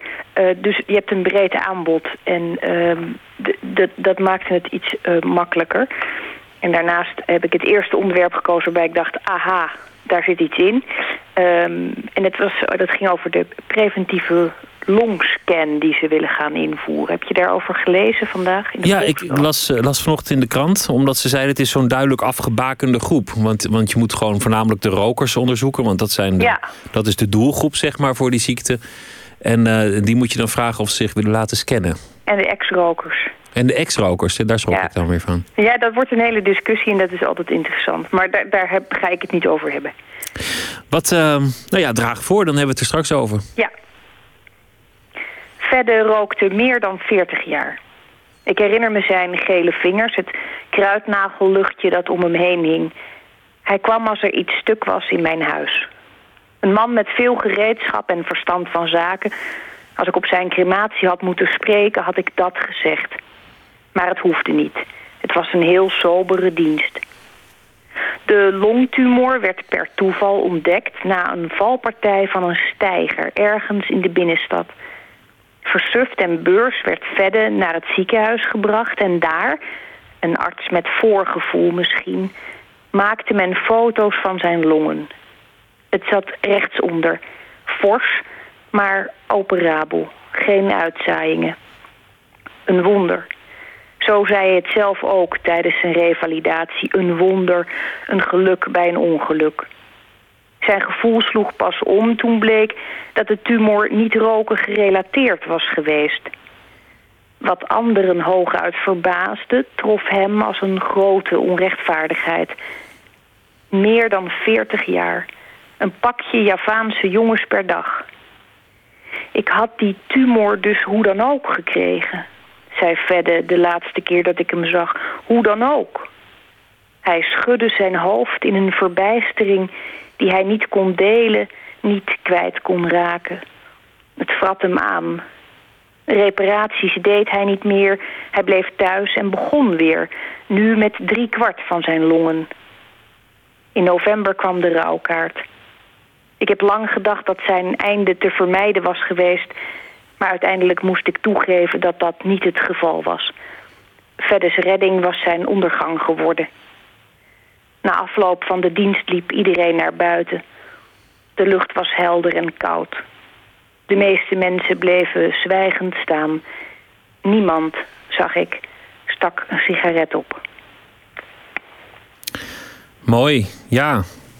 Ja, dat is natuurlijk het punt met dat roken. Hè? Dat er meteen ook een soort schuldvraag aan, aan ieders dood zit. Dat, Ja. dat niemand nog zomaar van zijn stok kan vallen zonder dat de rest vraagt van, van rookte die of, of dronk die of deed hij drugs of wat dan ook. Ja. Ja, het is altijd heel ingewikkeld als je zelf voor iets verantwoordelijk bent... en tegelijkertijd natuurlijk iedereen altijd schermt met zijn opa van 90... die elke dag enzovoort. Eh, dat maakt het heel onoverzichtelijk. Maar het is altijd een interessante discussie. Vooral als er ex-rokers eh, eh, aan het woord zijn. Dat vind ik altijd heel leuk. Ja, want die worden fundamentalisch. Heb ik zelf Ja, ook een beetje schijnt. gemerkt. Ja, ja, dat is gewoon zo. Ja, is- ik, ik, ik bevind me nu in een niemandsland. Ik mag niet roken. Ik zou wel willen, maar ik mag niet. Ik ben zwanger en dan, eh, moet je dat niet doen. Eh, maar ik zou het nog steeds willen. En ik begrijp het ook heel goed. Maar ik ga ook niet meer beginnen, heb ik me voorgenomen. Dus het is, ehm, ik, kan, ik kan het nu allemaal heel goed volgen. En ik sta boven de partijen, heb ik besloten, op dit moment. Zo maar met, lekker. met die scan is eigenlijk, is eigenlijk wel een, een, een moeilijke kwestie. Hè? Dat je dan, want dan moet je namelijk als, als medische zorg of, of eh, beroepsgroep der, eh, der artsen helemaal in kaart gaan brengen wie er nou roken en wie er nou niet roken. Wat volgens mij nu nog niet overal geregistreerd staat. Ja, en hoe lang ben je een ex-roker? Ja, dat weet ik dat niet. vraag ik me ook Ja. af. Die zelfvernieuwing zou toch op een gegeven moment... Nou ja, dan zou je toch op een gegeven moment niet meer mogen tellen als ex-roker. Ik, ik weet niet hoe lang dat eh, bewaard blijft eigenlijk, die schade. En een ander punt met dat roken is natuurlijk dat de relatie... er staat wel op het pakje heel overzichtelijk van roken ga je dood. Maar het ligt natuurlijk iets indirecter. Want een aantal rokers gaat dood waarschijnlijk door het roken. Ja. En nou zei een bevriende arts tegen mij... die, die, die, had, dat, die had een onderzoek gelezen... van hoe direct die relatie zou moeten zijn... voordat alle rokers zouden stoppen. En daaruit bleek... dan hadden ze een soort computerspelletje gemaakt... Hè, om dan te kijken van hoe direct moet die relatie zijn... voordat mensen dan eh, stoppen. En dat als iedereen bij de eerste sigaret ter plekke zou exploderen... dan pas zouden alle rokers stoppen. Dus Nou, ik denk dat we dat gewoon in moeten voeren. Het scheelt enorm veel geld. En eh, het is voor iedereen uiteindelijk toch een stuk eh, duidelijker op die manier. volgens mij, ja, om het heel cynisch te zeggen... scheelt het roken juist heel veel geld. Want al die mensen die strijken geen pensioen op uiteindelijk. Nee, dat is ook weer waar. Ja. God, we maken het alleen maar ingewikkelder op deze manier. Gewoon Nou ja. exploderen bij de eerste sigaret, laten we het daarop houden. Het lijkt me voor iedereen een, eh, een heldere, niet zo menslievend, maar toch een heldere oplossing. Goed, oké. Ik, ik geloof niet dat ik er zelf voor ben, maar ik heb het zelf ingebracht. Dus daar sluiten we bij af. Esther Naomi Parkin, dank je wel. En een goede nacht nog. Jij ook. We blikken vooruit op het eh, muziekjaar 2014. Een aantal albums, die, eh, daar wordt rijkhalsend naar uitgekeken. Straks hoort u alvast eh, iets van het, nieuwe Bruce Springsteen. Die is voortijdig uitgelekt en wij doen daar gewoon lekker aan mee. Maar een andere plaat waar we heel benieuwd naar zijn... is de derde van Lily Allen, een Britse zangeres. En die komt waarschijnlijk uit in maart. Kunnen we nog niks van laten horen, want die is dan niet uitgelekt. Maar we draaien wel alvast bewijzen van voorpret. Een nummer uit 2007. Van de Mark Ronson CD-version is hier Oh My God.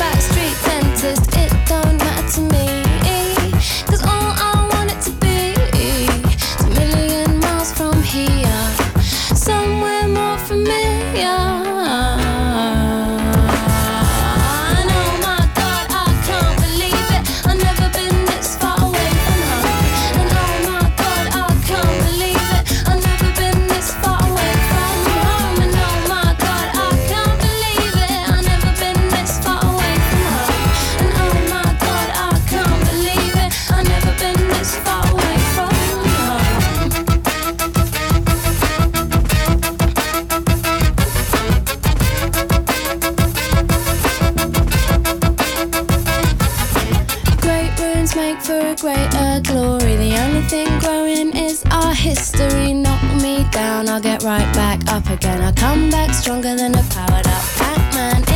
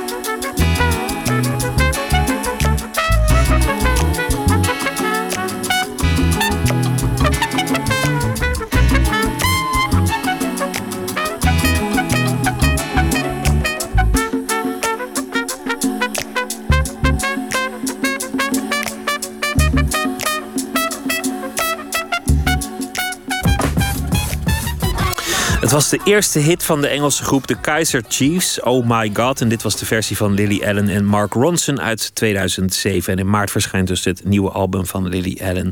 En straks hoort u ook nog een nummer van de nieuwe van Bruce Springsteen. Zelf gebruikt hij zelden een mobiele telefoon, vindt hij onhandig, hij vindt het overbodig. Maar toch werd juist het mobieltje het levenswerk van ontwerper Bas van Abel. Drie jaar geleden bedacht hij de Fairphone, een zo eerlijk mogelijke geproduceerde telefoon. Een ethisch verantwoorde telefoon. Eind december rolden de eerste exemplaren van de band. En sinds deze week kunnen consumenten er daadwerkelijk mee bellen. En Bas van Abel is met zijn ontwerp genomineerd voor de Rotterdam Designprijs. En Nicolaou zocht hem op op het hoofdkantoor in Amsterdam.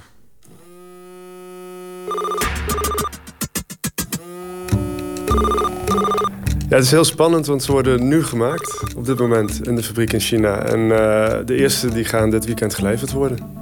En dan, ja, dan, komen ze, dan komen de eerste telefoons in de handen van de consumenten... waar we zo ontzettend lang al mee bezig zijn. Dat is natuurlijk eh, ja, super spannend.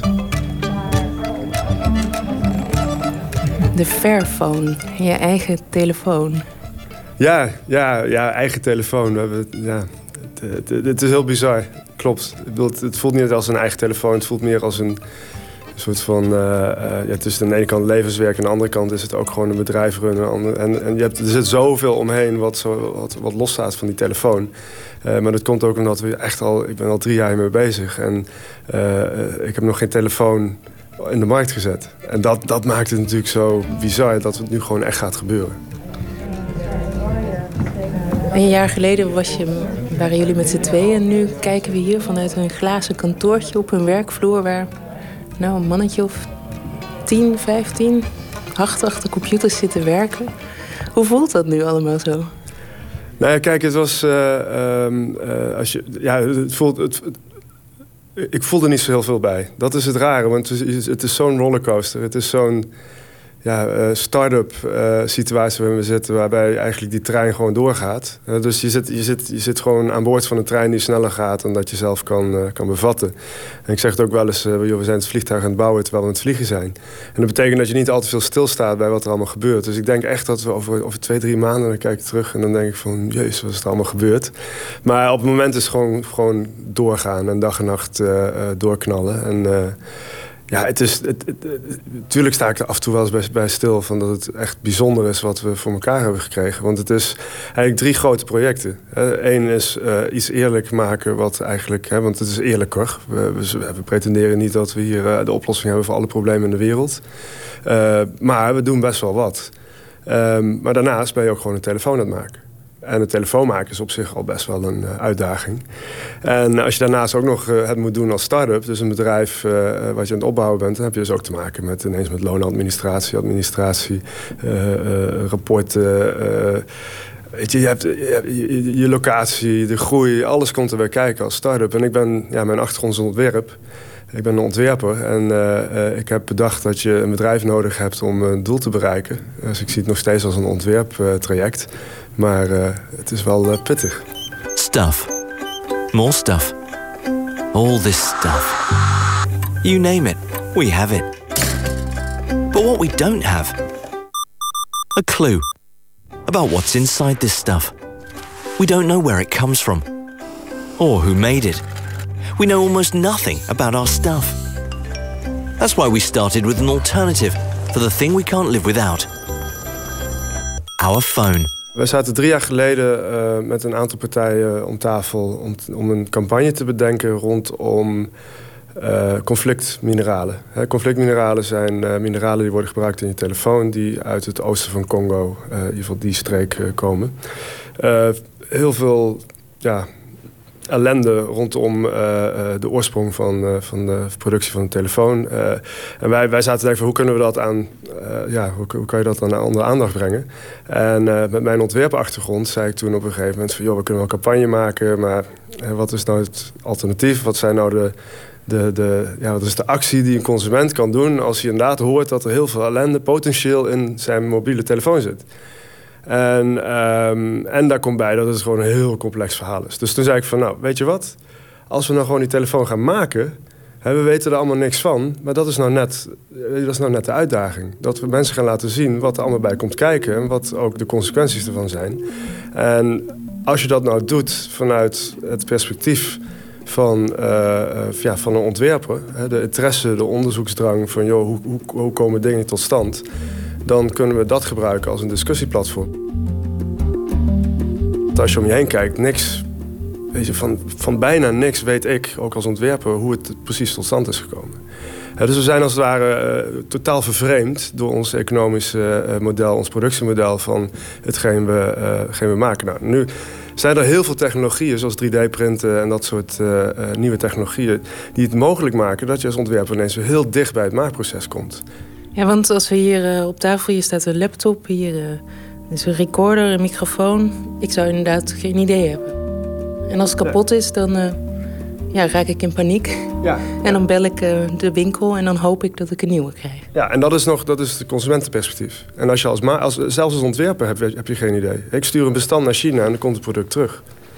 Dus, dus, dus, en dat, dat, is, dat is heel raar, want je hebt namelijk gewoon...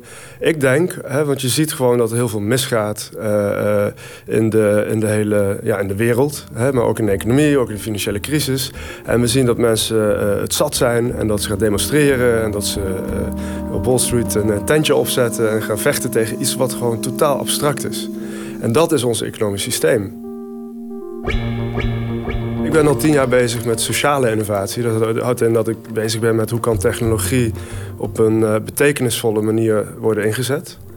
En, en dit paste daar heel goed in. Alleen het ging zo ver terug naar de oorsprong. Zover was ik ook nog niet geweest. Weet je, of je nou, eh, de oorsprong was voor mij inderdaad hoe wordt het gemaakt. Maar niet hoe wordt het gemijnd. Waar komen. Ja, dus het was een soort van fascinatie meteen. En toen, eh, toen was voor mij ook heel duidelijk van ja, we moeten dit ding gewoon maken. Want ik, ik wil weten wat er allemaal bij komt kijken. En toen zijn we ook gewoon een paar weken later zat ik in Congo. En zat ik eh, rond te vragen met een team eh, ehm, waar wij een eerlijke mijn konden vinden. En we wisten natuurlijk het antwoord wel. Want er bestaat niet. Er bestaat geen eerlijke mijn in Congo. Eh, in ieder geval niet. eh, die vraag was ook nog niet gesteld daar. En Wat is een oneerlijke mijn dan eigenlijk? Nou, kijk, het leuke van, van eerlijkheid is dat het gewoon ehm, dat het ongedefinieerd is. Eh, ook cultureel afhankelijk. Hè, wat jij, en ook wat jij eerlijk vindt, hoeft niet te zijn wat ik eerlijk vind. Dus er valt heel veel discussie over. Oneerlijk is veel beter te definiëren. En dus wat dat betreft is het een goede vraag. Want Wat is een oneerlijke mijn? We weten in ieder geval, een oneerlijke mijn is een, is een mijn waarbij eh, eh, eh, gewapende milities verdienen aan de mijnbouw. Dat hebben we met elkaar afgesproken. Van op het moment dat er, dat er militairen zijn en die zeggen, hè, of rebellen, en die zeggen: Ik wil ook, eh, eh, ik ga je belasting innen. eh, want er moet een deel moet naar de oorlog, eh, voor het voeden van die oorlog eh, eh, worden gebruikt. Dan eh, is dat oneerlijk. Nou, daar hebben we ook met z'n allen afgesproken. Dat is oneerlijk, doen we niet. Eh, er zijn nu ook wetten voor. Eh, maar eh, arbeidsomstandigheden zijn ook belangrijk. Hè? Dan kijk je van, oké, eh, zorg je dat er veiligheid is. Zorg je dat, er, ehm, eh, dat mensen bescherming hebben. Kinderarbeid is ook zoiets. Kinderarbeid wil je ook niet in een mijn hebben. Maar als je echt gaat kijken naar wat de problemen zijn nu in Congo... en je gaat zeggen van, nou ja, weet je, geef mij eens een mijn... waarbij al die dingen gewoon oké zijn... dan ga je hem niet vinden. Er ligt nu voor ons hier op tafel een... eh, dit is nog niet de definitieve telefoon, maar het zoveelste prototype volgens mij. Als ik het Ja. goed zeg. Ja, dit, dit is een... eh, ja, je hebt een aantal, aantal fases waarin je een telefoon maakt. Het ziet eruit als een hele normale smartphone. Mooi glimmend. Wat is er dan tussen dat idee van jou? Wat eigenlijk een... eh, ja, als iemand dat nu tegen mij zou zeggen, zou ik zeggen... volslagen naïef. Ja. Gaat je nooit lukken. Tot nou, al deze mensen die hier aan het werk zijn, dit kantoor en deze telefoon. Wat is daar tussenin gebeurd? Ehm, heel veel pragmatisme. Want op een gegeven moment ga je afvragen... kunnen we wel een eerlijke telefoon maken? Nou, het antwoord daarop is eh, nee. Je kan geen 100% eerlijke telefoon maken. Dus wij hebben gezegd van nou, weet je wat... dan maken we een telefoon die stap voor stap eerlijker gaat worden... door die telefoon als discussiestuk eh, te zetten. En dan is het natuurlijk het belangrijkste dat je een moment kiest, kiest... waarop je een soort van gevoel hebt dat je al een verschil gaat maken met die telefoon. Nou, dat eh, heeft twee jaar geduurd voordat we echt zoiets hadden. We zijn twee jaar lang een, eh, een, een, een NGO geweest, een non-profit. Dus we hebben een model uitgekozen van dan gaan we het als stichting doen. Eh, we waren een campagne. Op een gegeven moment kwamen we van ja, maar nu, moeten we, nu, nu ontstaat er zoveel vraag. En we weten nu wat er bepaalde dingen die we kunnen doen. Zoals bijvoorbeeld conflictvrije tin, conflictvrije tantalum. We hadden mijn gevonden waarmee we deden. Dus op al die gebieden wat wij belangrijk vonden om dat cirkeltje rond te maken voor de telefoon, hadden we eerste stappen gevonden. En toen hebben we eh, als het ware de, de stap genomen om te zeggen van nou, we durven het. Ja, want eh, als je hem wil gaan produceren, eh, heb je geld nodig. Ja. Dus je bent een crowdfunding actie begonnen. En binnen drie weken had je meer dan 10.000 telefoons verkocht. Voor meer dan 300 euro. Ja. Had je dat verwacht eigenlijk?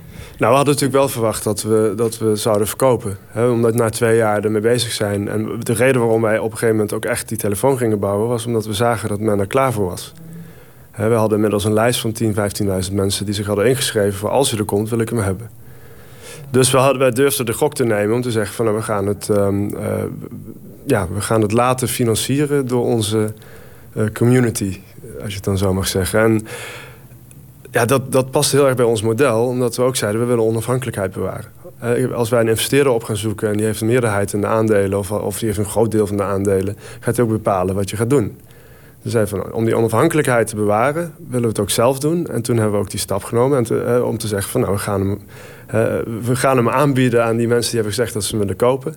En toen, ja, weet je, we hadden verwacht dat we door 5000 of zo... Hè, want dat was het doel, 5000 binnen vier weken zouden verkopen. We hadden binnen drie weken 10.000 verkocht.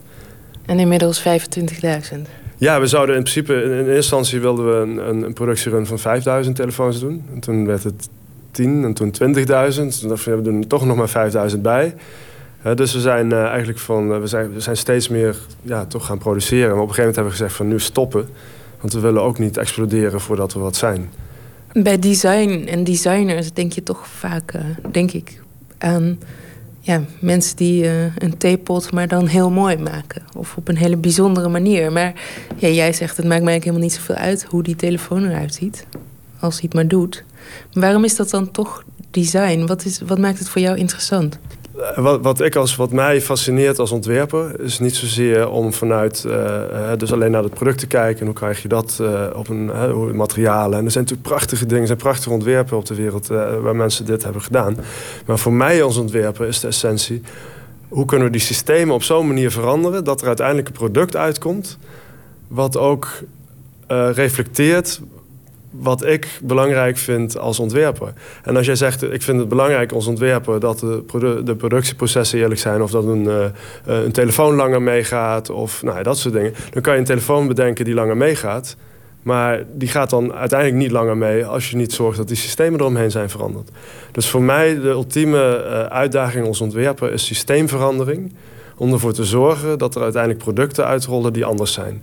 Nou, de eerste systeemverandering met Fairphone zal absoluut niet zijn dat er een nieuwe, nieuw soort telefoon uitrolt. Maar het is een middel om ervoor te zorgen dat er misschien in een volgend stadium wel een telefoon uitrolt die er ook echt anders zal uitzien. Maar dat, komt, dat is dan een gevolg van, van het systeem wat je eromheen eh, aan, het, eh, aan het aanpakken bent. Als je, als je zegt van, je hebt ook eh, ehm, wel eens van, joh, hoe kan je een, ehm, eh, maak eens een duurzame teglas. Of maken ze, dat kan je ook vragen. We maken ze een glas wat, wat, wat, eh, wat minder energie eh, nodig heeft. Nou, dan kan je ook kijken naar hoe, je, hoe het water in het theeglas gaat. In plaats van het glas zelf. Snap je? Eh, of hoe, hoe duurzaam is de, is, de, is de koker? Of hoeveel moet je lopen? Of waar, waar, waar komt het uit de muur? Of wat. Dus er zit, achter alles zit een, zit een systeem wat ervoor zorgt dat het ook er daadwerkelijk is. Dat water is niet heet op het moment dat het in dat, voordat het in het theeglas staat. Dus je kan dat ook, weet je, je kan daaromheen ook iets bedenken. En dat is een beetje een metafoor voor hoe ik, hoe ik alle producties zie. En dat, dat komt heel erg vanuit mijn achtergrond eh, als softwareontwikkelaar ook, waarbij je met beta-releases werkt. Hè. Dus je software is, Beta-release. software is nooit af. Dus je gooit af en toe een, eh, dan zeg je van nu is het deze, zo, hè, nu, is, nu, nu zijn we zover en nu kan het dit. En dan de volgende keer kan het dat en dat. En dus je blijft altijd doorwerken op die software. Eh, en ik denk dat producten ook zo zijn. Dat betekent dat je dus constant bezig bent met elkaar om dat product te verbeteren. En dat elke keer als er een product ook echt is, dat dat een soort van instantie is van, eh, van het eh, proces wat er plaatsvindt op de achtergrond. The Fairphone. As smart as other phones, but fair. Which makes it more than a phone. It's a beginning, a step in the right direction. Buy a phone. Start a movement. Wij zijn, kijk, we gaan dit niet allemaal zelf veranderen, die hele eh, die economie. Hè? Want eigenlijk is het, is het, het doel is niet zozeer een telefoon maken, een eerlijke telefoon maken. Het doel is door middel van een eerlijke telefoon maken de, eh, de hele industrie zover krijgen dat, ze, ehm, ja, dat, dat, dat alles eerlijker gaat gebeuren. En eh, dat doel bereik je als je in beweging bent. Dat doel bereik je niet als je je isoleert in van... joh, wij gaan een marketingtruc doen met een product... en we gaan er geld mee verdienen. En met dat geld kunnen we af en toe wat doen in de keten. Als die nu straks eh, er echt is, ga je dan zelf ook een telefoon nemen? Ja, ik zou wel moeten. Ja, ik ga het toch proberen, denk ik. ja, weet je het zeker? Ja, ik weet het nog niet, maar eh, ik gebruik hem in ieder geval met rennen. Voor, eh, Wat, met? Met rennen. Zodat ik in ieder geval dat ik muziek heb en dat ik kan zien hoe ver ik gerend heb en hoe hard. Dus er zijn, weet je, een telefoon heeft meer functies dan alleen maar bellen. En ik gebruik hem eh, in principe niet om te bellen, nee.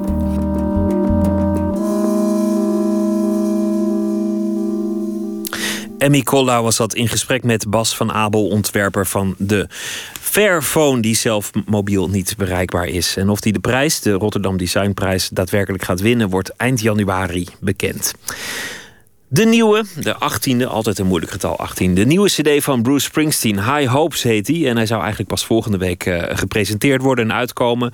Maar al sinds dit week in de Chinees overal eh, te beluisteren. Uitgelekt dus. NRC recenseerde hem al. Jan Vollaert noemde het een kleurrijke kliekjesplaat. Dat klinkt niet echt als een compliment. Zou ik gewoon kunnen zeggen een gevarieerde eh, plaat. Er staan een aantal covers op, wat uitzonderlijk is voor, eh, voor de Bos. Maar wij draaien gewoon een eh, eigen nummer van Bruce Springsteen. This is Your Sword.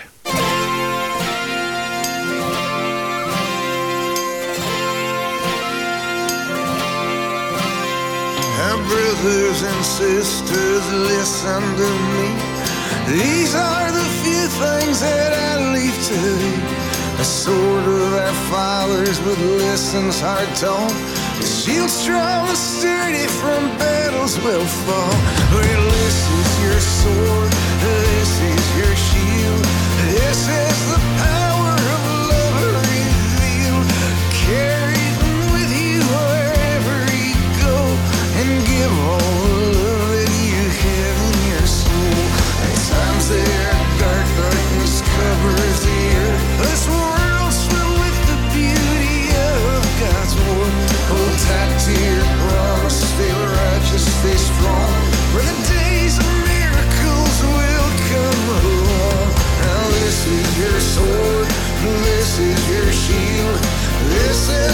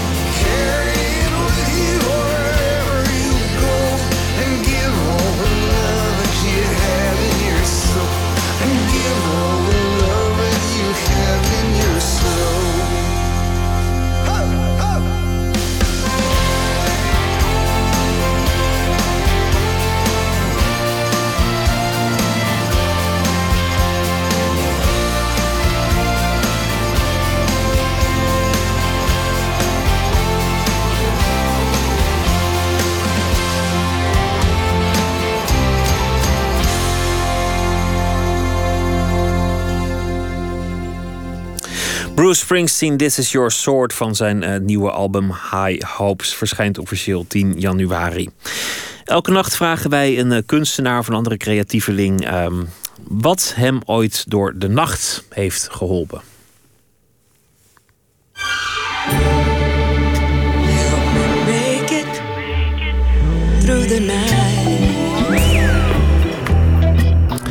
En vandaag vragen we dat aan Floor de Goede, striptekenaar in onder, andere het eh, Parool en maker van de graphic novel Dansen op de Vulkaan.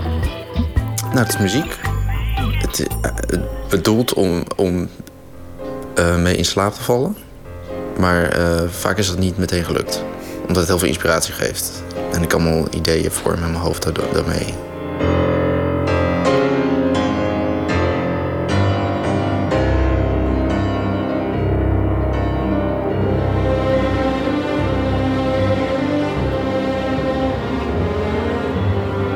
Het is eh Rachmaninov.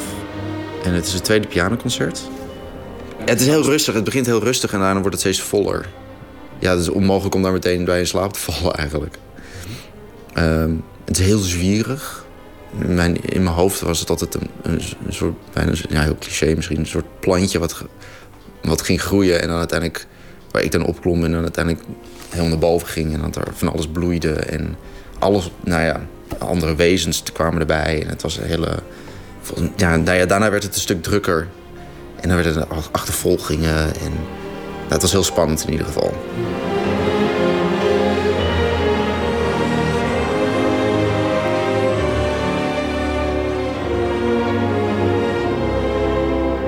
In mijn werk vind ik het altijd heel leuk om het op te bouwen.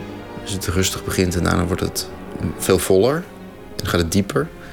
Het is mijn bedoeling tenminste. En, ja, en ik heb altijd al fascinatie gehad met achtervolgingen. Dat, soort- dat soort dingetjes en nare elementjes die er ehm, misschien in voor kunnen komen. In, in, in iets wat positief klinkt, maar dan altijd een beetje een donker tintje heeft. En dat vind ik daar ook in. Het is niet per se ehm, zware muziek of zo, maar je kan er veel meer in horen. En dat vind ik er mooi aan. Dat het gewoon veel meer lagen heeft. Het is het St. Louis Symphony Orchestra.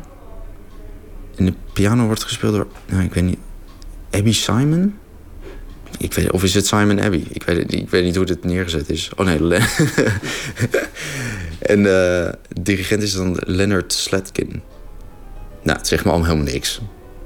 Dit is wel mijn versie, ja. Ja, hier ben ik jaren mee in slaap gevallen. Hier ben ik jaren de nacht doorgekomen, mee doorgekomen. En ehm, ja, dus het heeft gewoon een heel speciaal plekje.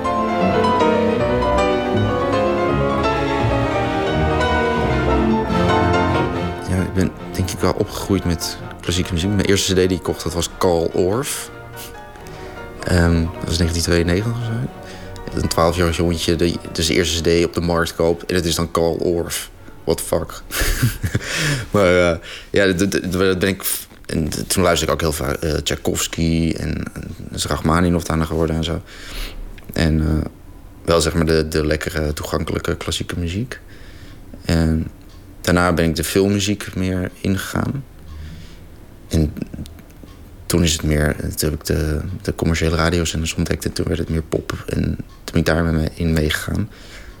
Maar het is nu allemaal één eh, brei bij elkaar. Dus ik luister nu van alles en nog wat. En de ene keer heb ik zin in klassiek of... eh, daarna heb ik zin in Beyoncé. Om maar iemand populair te noemen. Het luisteren van klassieke muziek geeft me wel een soort eh, ja, opener gevoel. Tenminste, ik kan veel meer zelf invullen. Het wordt niet. Ik hou er ook wel van als het bijvoorbeeld heel bombastisch is, dat je gedwongen wordt om een bepaalde richting te denken. Maar het is altijd nog open. Dus dat vind ik mooi aan klassiek. Je kan er altijd nog van alles mee. En bij popmuziek ja, word je, ja, dan hangt het aan, aan de teksten vast en zo. En vaak kan ik ook bijvoorbeeld als er een tekst me niet aanstaat, kan ik een nummer die muzikaal misschien heel goed klinkt, ja, die kan ik dan eigenlijk al niet eens meer horen. Omdat ik het dan, ja, dan verpest het een beetje. En dat bij klassiek is dat, is dat niet zo. Je zou mijn boek best wel kunnen lezen met Rachmaninoff op de achtergrond. Eh, niet bij alle gedeeltes. Er spelen ook heel veel dingen in het uitgaansleven af. Al zou dat ook best wel tof zijn, eigenlijk, die combinatie. Eh, ik heb volgens mij dat nummer... Ik weet eigenlijk helemaal niet eens van wie dit is. Dat, dat spookslotnummer van de Efteling. En dat heb ik ooit eens een keer met... eh, het waren uitgaansbeelden, maar dan in slow motion. En dan met die muziek eronder. En het, was, het zag er heel tof uit. En ik hoorde dat er ook een feest was... waar alleen maar klassiek werd gedraaid. Waar mensen gewoon helemaal uit hun dak gingen. En nou, daar wil ik heel graag naartoe. Maar ik, weet, ik weet niet hoe het heet, maar het lijkt me heel, heel fijn. De cd die ik had, dat was echt eh, nou, dat was een van mijn favoriete cd's. En eh, die ben ik uiteindelijk een keer kwijtgeraakt. En ik weet niet wanneer, waarschijnlijk in een verhuizing. Want het is al tien jaar geleden dat ik het, meer dan tien jaar geleden dat ik het geluisterd heb. En ik heb het sindsdien ook nooit meer kunnen vinden ergens. En alle, ja, alle andere versies van andere ehm, orkesten en zo, die, ja, die, deden het toch niet echt.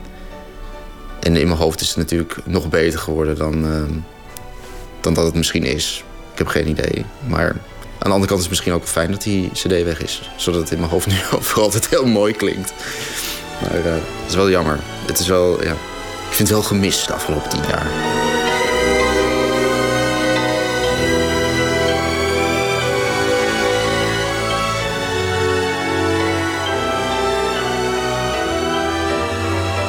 Gelukt. Gevonden op Spotify. Woehoe! Dankjewel, Spotify. Zo. Safest playlist. nou, ik weet wat ik eh, vanavond ga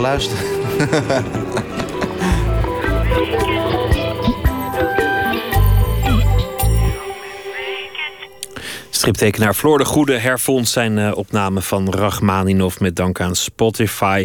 En morgen krijgt u tips om de nacht door te komen van schrijfster Eva Maria Staal. Tijd voor wat eh, soulmuziek. Elmer Lee Fields. Hij wordt ook wel vaak Little JB genoemd vanwege de fysieke gelijkenis met James Brown. En ook zijn stem lijkt echt op James Brown in zijn hele jonge jaren. De jonge James Brown. Luister maar naar Bewildered Year Career. Hey. Lost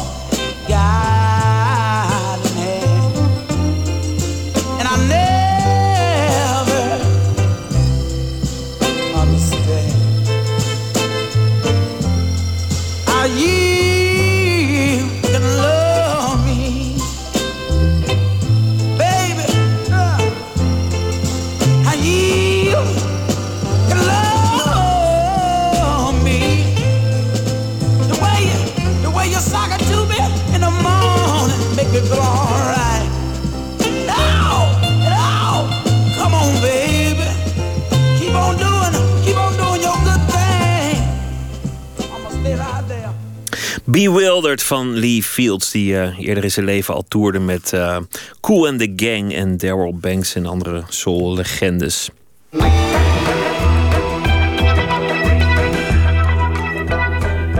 U luistert naar de VPRO op Radio 1, het programma Nooit meer slapen. Franka Treur debuteerde in 2009 met de roman Dorsvloer vol confetti over een jong meisje dat opgroeit in een Zeeuws strenggelovig gezin en daar de kracht van taal ontdekt. Het boek werd een enorme hit bij lezers en ook bij recensenten. En dit jaar komt er zelfs een film van uit. En nu is er ook de lang verwachte vervolgroman De Woongroep.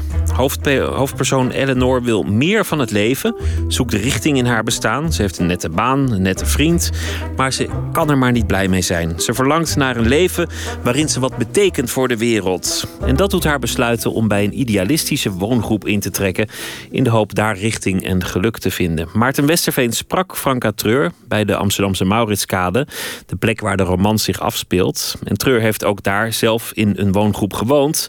En met een beetje geluk kun je haar oude kamer nog zien. Kunnen we hem zien of moeten we even Dan omlopen? moet je hier even op gaan staan. Dan kan je het zien. Dat is die. Ehm, even kijken, de meest rechtse. En dan heb je twee ramen. Dat, dat kleine raampje met die twee eh, dingen, dat, dat was mijn slaapkamer. En die daarnaast was de woonkamer. Met die drie eh, raampjes, ja. In de woongroep, eh, de woongroep is overtuigd vegetarisch. eh, bedoelt het heel goed. Hoe ging het er hier aan toe? Nee, hier was niet zoveel idealistisch aan hoor. Ik kwam, toen ik hier kwam wonen, woonden er drie vrouwen. Vond ik fantastisch. Ik kwam voor het eerst in Amsterdam wonen en eh, er waren drie vrouwen die waren allemaal iets ouder dan ik. En ik- nou, ik vond het natuurlijk geweldig. Ik voelde me echt helemaal, eh, nou ja, helemaal thuis in die woongroep. Het, het enige jammer was dat, ze, dat er na twee maanden begon, ging de eerste verhuizen en na drie maanden de tweede. Maar dat was een, een detail. Ik woonde daar toch heel leuk. En ehm, eh, wat was je vraag ook weer? Ik wou eigenlijk weten vooral hoe het er hier aan toe ging. Ja, nou, het is eigenlijk, eigenlijk is het een, eh, een, een woongemeenschap die veel heeft van een studentenhuis. Behalve dat iedereen wel echt een eigen appartement heeft, maar dan niet een eigen keuken en geen eigen douche en toilet. Maar ik, heb, ik heb in een woongroep gewoond in Nijmegen, die was wel idealistisch. En dat, dat, dat, die leek eigenlijk een beetje inhoudelijk meer op die van, eh, van uit het boek. Wat, ik zo, eh, wat me zo trof aan, aan Eleanor is dat... Ik begon heel snel meelijden met haar eigenlijk te krijgen. Het- want inderdaad, eh, niet alleen omdat ze inderdaad... Nou ja, misschien niet zo heel bijzonder eh, is... maar vooral omdat ze dat zelf ook vindt. Dat ze het inzicht heeft dat ze misschien niet zo bijzonder is. En dat lijkt me een hele zware, zware last. Ik bedoel Ja. niet mee te zeggen trouwens dat ik nou denk dat ik bijzonder ben. Maar om er zo bewust van te zijn dat je het niet bent... dat lijkt me heel, heel zwaar. Ja, dat is net als met demente mensen die nog weten dat ze dement zijn. Het moet verschrikkelijk zijn. Ja, nee, dat is het natuurlijk ook. En het, het, het, eh, ze zeggen toch ook altijd... Het, een mens lijdt het meest door het lijden dat hij vreest. En dat is natuurlijk het ergste gebeurt allemaal in haar hoofd. Dat is, dat is natuurlijk vreselijk. Dat hoofd wil je echt niet hebben. Hoe kom je dan toch in zo'n hoofd? In zo'n hoofd waar het eigenlijk verschrikkelijk is? Nou, kijk, ehm, het is ook niet zo dat het heel ver van mij vandaan staat. Bedoel, anders kun je... Ik, ik, ik hou niet heel erg van boeken die heel erg gaan over een loser op afstand. Dus ik heb, ik, er zijn natuurlijk dingen die ik wel herken. En dat, eh, en dat besef van, ehm, het moet nu gebeuren. Eh, een soort druk voelen van, ja ik, ben, ja, ik moet iets anders, ik moet iets doen. Ik wil mezelf laten zien. Eh, dat, dat herken ik natuurlijk. En vervolgens denken dat je niet zoveel kan. Dat is ook iets wat ik wel, ehm, wat ik wel herken. Uiteindelijk heb ik het opgelost voor mezelf, maar dat betekent niet dat, ik, dat, dat, dat je heel ver afstaat van dat gevoel. Heb je het opgelost door te schrijven? Ja, natuurlijk. Ja. Nou ja, Dat weet ik niet. Misschien wordt het er alleen maar erger van. Want dan blijkt opeens dat er ook andere mensen schrijven. En die, die kunnen ook geweldig schrijven. Dus op zich zou je die, die pijn alleen maar kunnen verleggen. Dan denk je, oké, ik schrijf nu, maar ik ben geen geweldige schrijver. Dan ga je weer... Bedoel, wat dat betreft, als je zo denkt, dan kan je eeuwig doorgaan. Dat is ook zo. En er zijn ook heel veel schrijvers die heel erg geweldig schrijven. Maar er zijn ook heel veel schrijvers die, die schrijven op een andere manier. Die schrijven iets waar, waar ik niet zo van hou, maar wat wel goed is op een, in, op, in een soort ander, ander genre. En er is wel een, er is een soort ehm, gebiedje waar ik me wel thuis voel. En hoe zou je dat omschrijven? Ja, god, dat, ik zag dat natuurlijk aankomen. Ehm, nou, in, in, ik hou heel erg van heel concreet schrijven. En met heel toegankelijke taal, dus zonder, eh, zonder moeilijke woorden. En heel, hele dialogen die eigenlijk gewoon letterlijk kunnen plaatsvinden, daar, daar hou ik heel erg van. Terwijl het wel ergens over gaat. Het is niet meteen dan libellenproza, zoals eh, mensen wel eens zeggen. Dat geloof ik niet. Het gaat wel ergens over, maar het is, wel- het is wel... Nou ja, het gaat, het, het is, het is, iedereen kan het lezen. Eleanor die, die, die zit te wachten op, op iets beters. Iets dat, dat... Ja, dat zeg je goed. Ze zitten wacht. Ja, maar ze zit toch te wachten? Ja, nee. Het komt allemaal. Het is, het is heel passief eigenlijk. Behalve die stap naar de woongroep. Maar eigenlijk wordt hij ook aangereikt door haar vriend. Die echt precies het tegenovergestelde wil. Maar die komt op dat idee eigenlijk. Of tenminste, hij noemt die woongroep. En dat is eigenlijk de enige echt actieve stap. Maar vervolgens laat het zich overal eigenlijk gewoon een soort in mee, eh, meeslepen. Ze is, ze, is, ze is heel erg bang om niets te betekenen. Maar ze is nog banger dat ze het verkeerde gaat betekenen. Ja, dat laatste weet ik niet helemaal zeker. Maar in elk geval, nee, het is waar dat, ze, dat overgave is een probleem bij haar. En ik, ik denk ook dat het probleem in haar jeugd ligt. Maar tegelijkertijd is het ook wel iets. ehm, waar, waar verbind je je aan, is voor heel veel mensen een, een, moeilijk iets. Vroeger was het toch makkelijker toen de wereld nog verzeild was. Dan waren al die, al die vragen, die, die speelden toch minder. Omdat je, je verbond je automatisch aan verenigingen, aan kerken, aan politiek, aan eh, kranten. Aan, dat was allemaal niet zo'n vraag. En voor haar is dat wel ingewikkeld. En ik denk dat het voor veel mensen nu geldt. En jij zegt van, was het moeilijk om je in zo'n week iemand... Nou, ik, ik had wel erg moeite met haar passiviteit, moet ik zeggen. Want ik ben dat, dat zelf niet. Eh, Niet op die manier. Misschien heb ik ook wel iets passiefs, maar dan moet ik het nog ontdekken. maar ehm, dat, dat, dat van eh, je- jezelf ergens aan verbinden... dat vind ik zelf ook heel erg moeilijk ik zou ook niet zo goed weten waar, waar ik mezelf zou moeten plaatsen. Sommige mensen kunnen zich plaatsen in een of ander literair landschap of zo. Dat kan ik zelf ook niet. En dat wil ik ook niet echt. En als mensen het over generaties hebben, vind ik het ook ingewikkeld. Voel ik me ook nooit bij horen. En. ehm, dus dat, dat. Kijk, bij, bij het schrijven is het altijd zo dat je. ehm, je vergroot dingen uit, maar er zijn altijd wel dingen die je zelf ook herkent. Misschien een beetje andere manier. Dus je buigt iets een beetje om, of je diept het uit. Of je, maar maar je, het start wel altijd iets, bij iets wat je zelf herkent. Eenmaal aangekomen in de woongroep...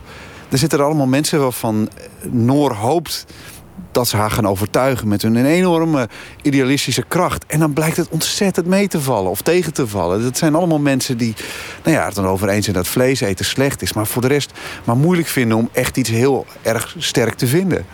Maar dat is denk ik ook heel erg moeilijk. Om iets heel sterk te vinden anno 2010. Want wat, eh, Daarin speelt het boek. Het boek Ja.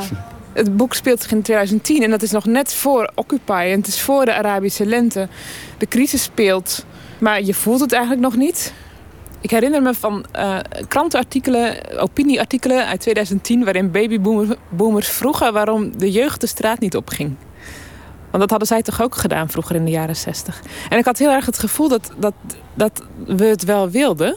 Nou, we, nu zeg ik we, maar ik, ik misschien nog niet heel zeer. Maar ook wel, ik voelde me toch ook een beetje aangesproken. Maar we dachten ook allemaal... En nu zeg ik we allemaal, en ik, dat hou ik helemaal niet van. Maar ik denk dat er mensen waren die dachten van... Oké, ik zou dat best willen, maar voor wat? Weet je wel, want je, dan kun je, wat, wat, wat, was, wat speelde toen? Ja, de bankencrisis. Maar dan kon je, dan, dat bleef abstract eigenlijk nog. Het was moeilijk om daar een concreet ideaal aan te verbinden. En ik denk ook, nou ja, dat is wel een heel bekend gegeven dat de wereld grijs is geworden. Dus dat we, dat we minder makkelijk ergens voor zijn, omdat we ook de andere kant van het verhaal kennen. Dat vind ik, daar vind ik Syrië altijd zo'n goed voorbeeld van. Want iedereen weet dat Assad een klootzak is en dat hij weg moet. Maar iedereen weet ook dat als hij dan weg is, dat het dan niet per se beter zal worden. En, dat, eh, en als je dat dan weet, dan denk je, ja, oké, ik weet het ook niet. Wat moet je dan doen? Dan, nou, dan blijft gewoon passiviteit over. Ja, ik, ik weet, ik kan me trouwens die gedachte herinneren ook dat, eh, dat mensen moeten protesteren. Dacht, ja, nou, mijn generatie zou eens moeten gaan protesteren. En, eh, terwijl ik dat dacht, weet ik zeker dat ik mezelf daar helemaal niet bij zag staan. Maar ik dacht dat die, al die andere mensen maar ook een beetje namens mij dan toch maar de barricades op moesten. Ja, precies. Eh, ja, maar voor wat dan? Ik denk dat toch, dat, dat toch meespeelde. Dat je, dat je het niet kan concreet maken. Het was niet een hele duidelijke vijand. Het was toch echt abstract. En, en, en iets met geld.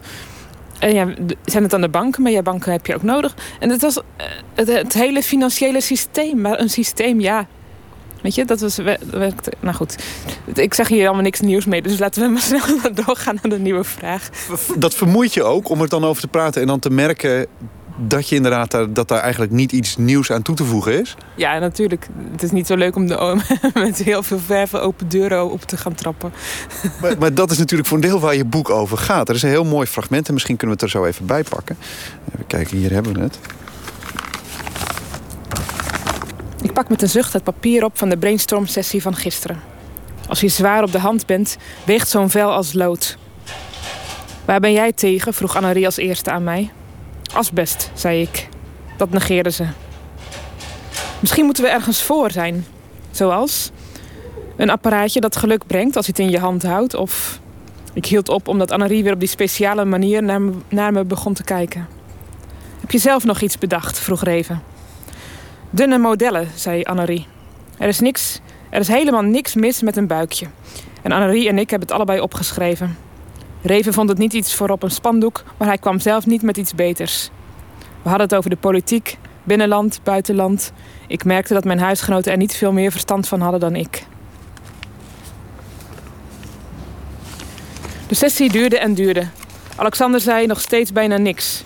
Ik vroeg hem of er iets was. Hij praat al de hele dag tegen die bejaarden, zei Annerie. Hij is even uitgepraat. In mijn boek komen er ook steeds ambulances langs. Dat komt omdat hier een ziekenhuis zit. Deze straat. Het is echt, in het begin, als je hier net woont, is dat heel heftig. Omdat je, je denkt echt continu kan- crisis, paniek. Ik weet wel, in Zeeland, als er een ambulance langskwam... dan vlogen we met z'n allen naar het raam, weet je wel. Dus, dat kwam misschien één keer in de twintig jaar voor. Ehm, Alexander deed alsof... Oh ja, Alexander deed alsof hij dat niet hoorde. Ach, zei hij. Ik heb gewoon het idee dat er in deze keuken al jaren dezelfde gesprekken worden gevoerd. Alleen de sprekers worden af en toe vervangen. In jouw boek gebeurt vaak dat, dat, dat Eleanor opmerkt dat mensen theater spelen. Dat mensen maar doen alsof ze iets echt vinden. Maar dat er maar heel weinig mensen zijn die dat echt doen. En de mensen die dat wel doen... Nou ja, zo iemand als Erik, wellicht... Die zijn... Ze denkt ook wel vooral over zichzelf, hè? Ze vindt zichzelf ook geen echte linkse. Ze vindt zichzelf ook niet echt idealistisch. Maar ze denkt, zolang, zo- zolang ik doe alsof... dan komt er zelf, vanzelf een moment waarop, het waarop ik dat ook echt allemaal vind en denk. Dus je, het begint gewoon met doen alsof. En uiteindelijk kom je er wel. Geloof je dat zelf ook? Nou, in sommige dingen wel. Ik denk, eh, als je moeite hebt met overgave, dan zul je, zul je moeten. eh, Je moet het beginnen met faken, denk ik. En dan. eh, en dan. Uiteindelijk komt er misschien een moment waarop je het helemaal kan. Ik weet het niet. Dat zou kunnen. Ik zou toch kunnen zeggen dat, eh, eh, dat, eh, dat Zeeland het toch hard genoeg geprobeerd heeft. Maar dat is toch ook niet gelukt? om, om er een soort goed christelijk meisje van je te maken. Ehm, nee, dat is waar. Maar ehm, ik heb het wel heel lang geprobeerd. Met doen alsof. En dat, vond- dat, ging, heel, dat ging een heel eind goed. Dat kan je heel lang volhouden.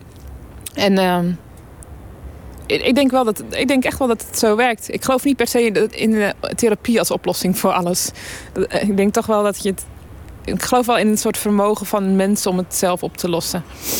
En natuurlijk is het prettig als je daar soms een beetje hulp bij krijgt. Maar dat is niet alleen eh zaligmakend. Eleanor die, die gaat op een gegeven moment, eh, ze gaat in de woongroep besluit op een gegeven moment dat het toch tijd is voor een grote daad. Daar leeft het boek naartoe. Dan gebeurt het. Dan laten we even achterwege wat er gaat gebeuren. Dat moeten ze maar lekker gaan lezen. Maar eh, gaat Eleanor, gaat het daarmee goed komen? Ehm, je merkt dat telkens als, dat ze, als ze iets van urgentie voelt, dat dat weer uit, hand- uit haar handen wordt geslagen. En dat is natuurlijk best ingewikkeld als je daar zo naar op zoek bent. En ik denk ehm, ook in hoe ze haar verdere leven gaat eh, inrichten, ehm, denk ik dat dat ingewikkeld zal blijven. Maar dat, ik denk ook dat ze daar die houding van, ik, doe maar gewoon alsof, dan komt het vanzelf goed. Dan ga ik het vanzelf ook allemaal vinden en denken en doen. Dat, dat, dat die houding haar heel erg van pas komt.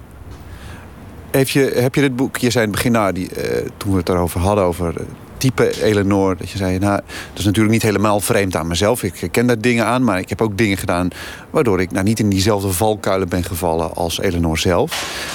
Eh, heeft, is het boek ook een, een soort licht alternatieve geschiedenis van jezelf? Nou, kijk, wat ik, wat, wat ik herken is, is een soort het besef van het tragische dat dan niet tot wanhoop leidt. Ik denk wel, ik heb wel een soort vertrouwen in mezelf dat ik niet, ehm, dat, dat die wanhoop niet, geen vat op me zal hebben. Op een of andere manier. En ehm, dus in die zin, eh, ja, is het een soort alternatieve geschiedenis? Denk het wel. Goh, eigenlijk wel heftig om dat nu zomaar te zeggen, want het is best een gruwelijk gegeven. Ja, denk wel dat het, werkt, dat het zo werkt. En ik, ik vind eigenlijk Eleanor ook een hoopvol perso- eh, personage. Hoor. Want zij heeft echt wel dingen, met dingen te, te maken die ook wel ingewikkeld zijn.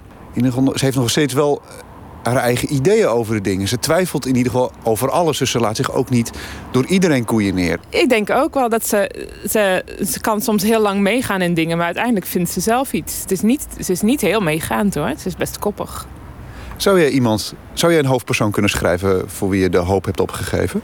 Ik hou niet zo van boeken, wat ik al net al zei, van losers op, eh, die ergens beneden je zijn. Weet je wel, die... die eh, dat was op een gegeven moment een beetje in om, om een boek te schrijven over iemand met een heel lullig baantje. Die van zijn levensdagen nooit zelf zou zijn. En dat, dat je dat dan op een afstandje beschrijft. En dat is niet iets waar ik. eh, zo wil ik niet naar de wereld kijken eigenlijk. Ik, ik geloof niet in absolute losers en in absolute helden. Het is, allemaal, het is allemaal heel ingewikkeld. En dat is nou het leuke aan een roman. Dan mag je al die, al die ingewikkeldheid mag je gewoon lekker over al die bladzijden uitsmeren. Dankjewel. Maarten Westerveen was dat in gesprek met Franka Treur over haar nieuwe roman De Woongroep. Die is verschenen bij uitgeverij Prometheus. Morgen is Nooit meer slapen er weer op Radio 1 rond middernacht iets daarna. Met eh, Michiel van Erp gaan we praten, de regisseur naar aanleiding van de televisieserie Ramses over Ramses Shaffi. En we gaan ook praten met regisseurs Peter en Petra Lataster over hun documentaire film Wakker in een boze droom. En componist Merlijn Twaalfhoven over zijn bijzondere muziekproject met Syrische vluchtelingen. Serious Mission heet dat eh, project.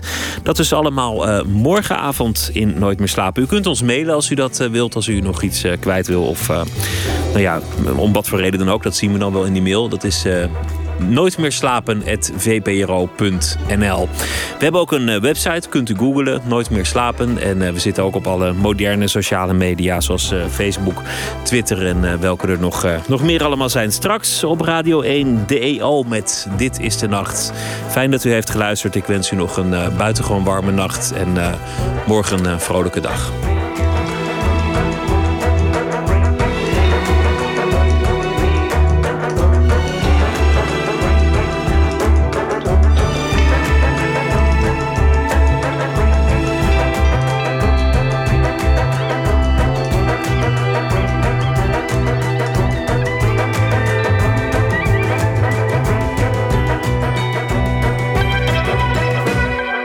Radio 1, het nieuws van alle kanten.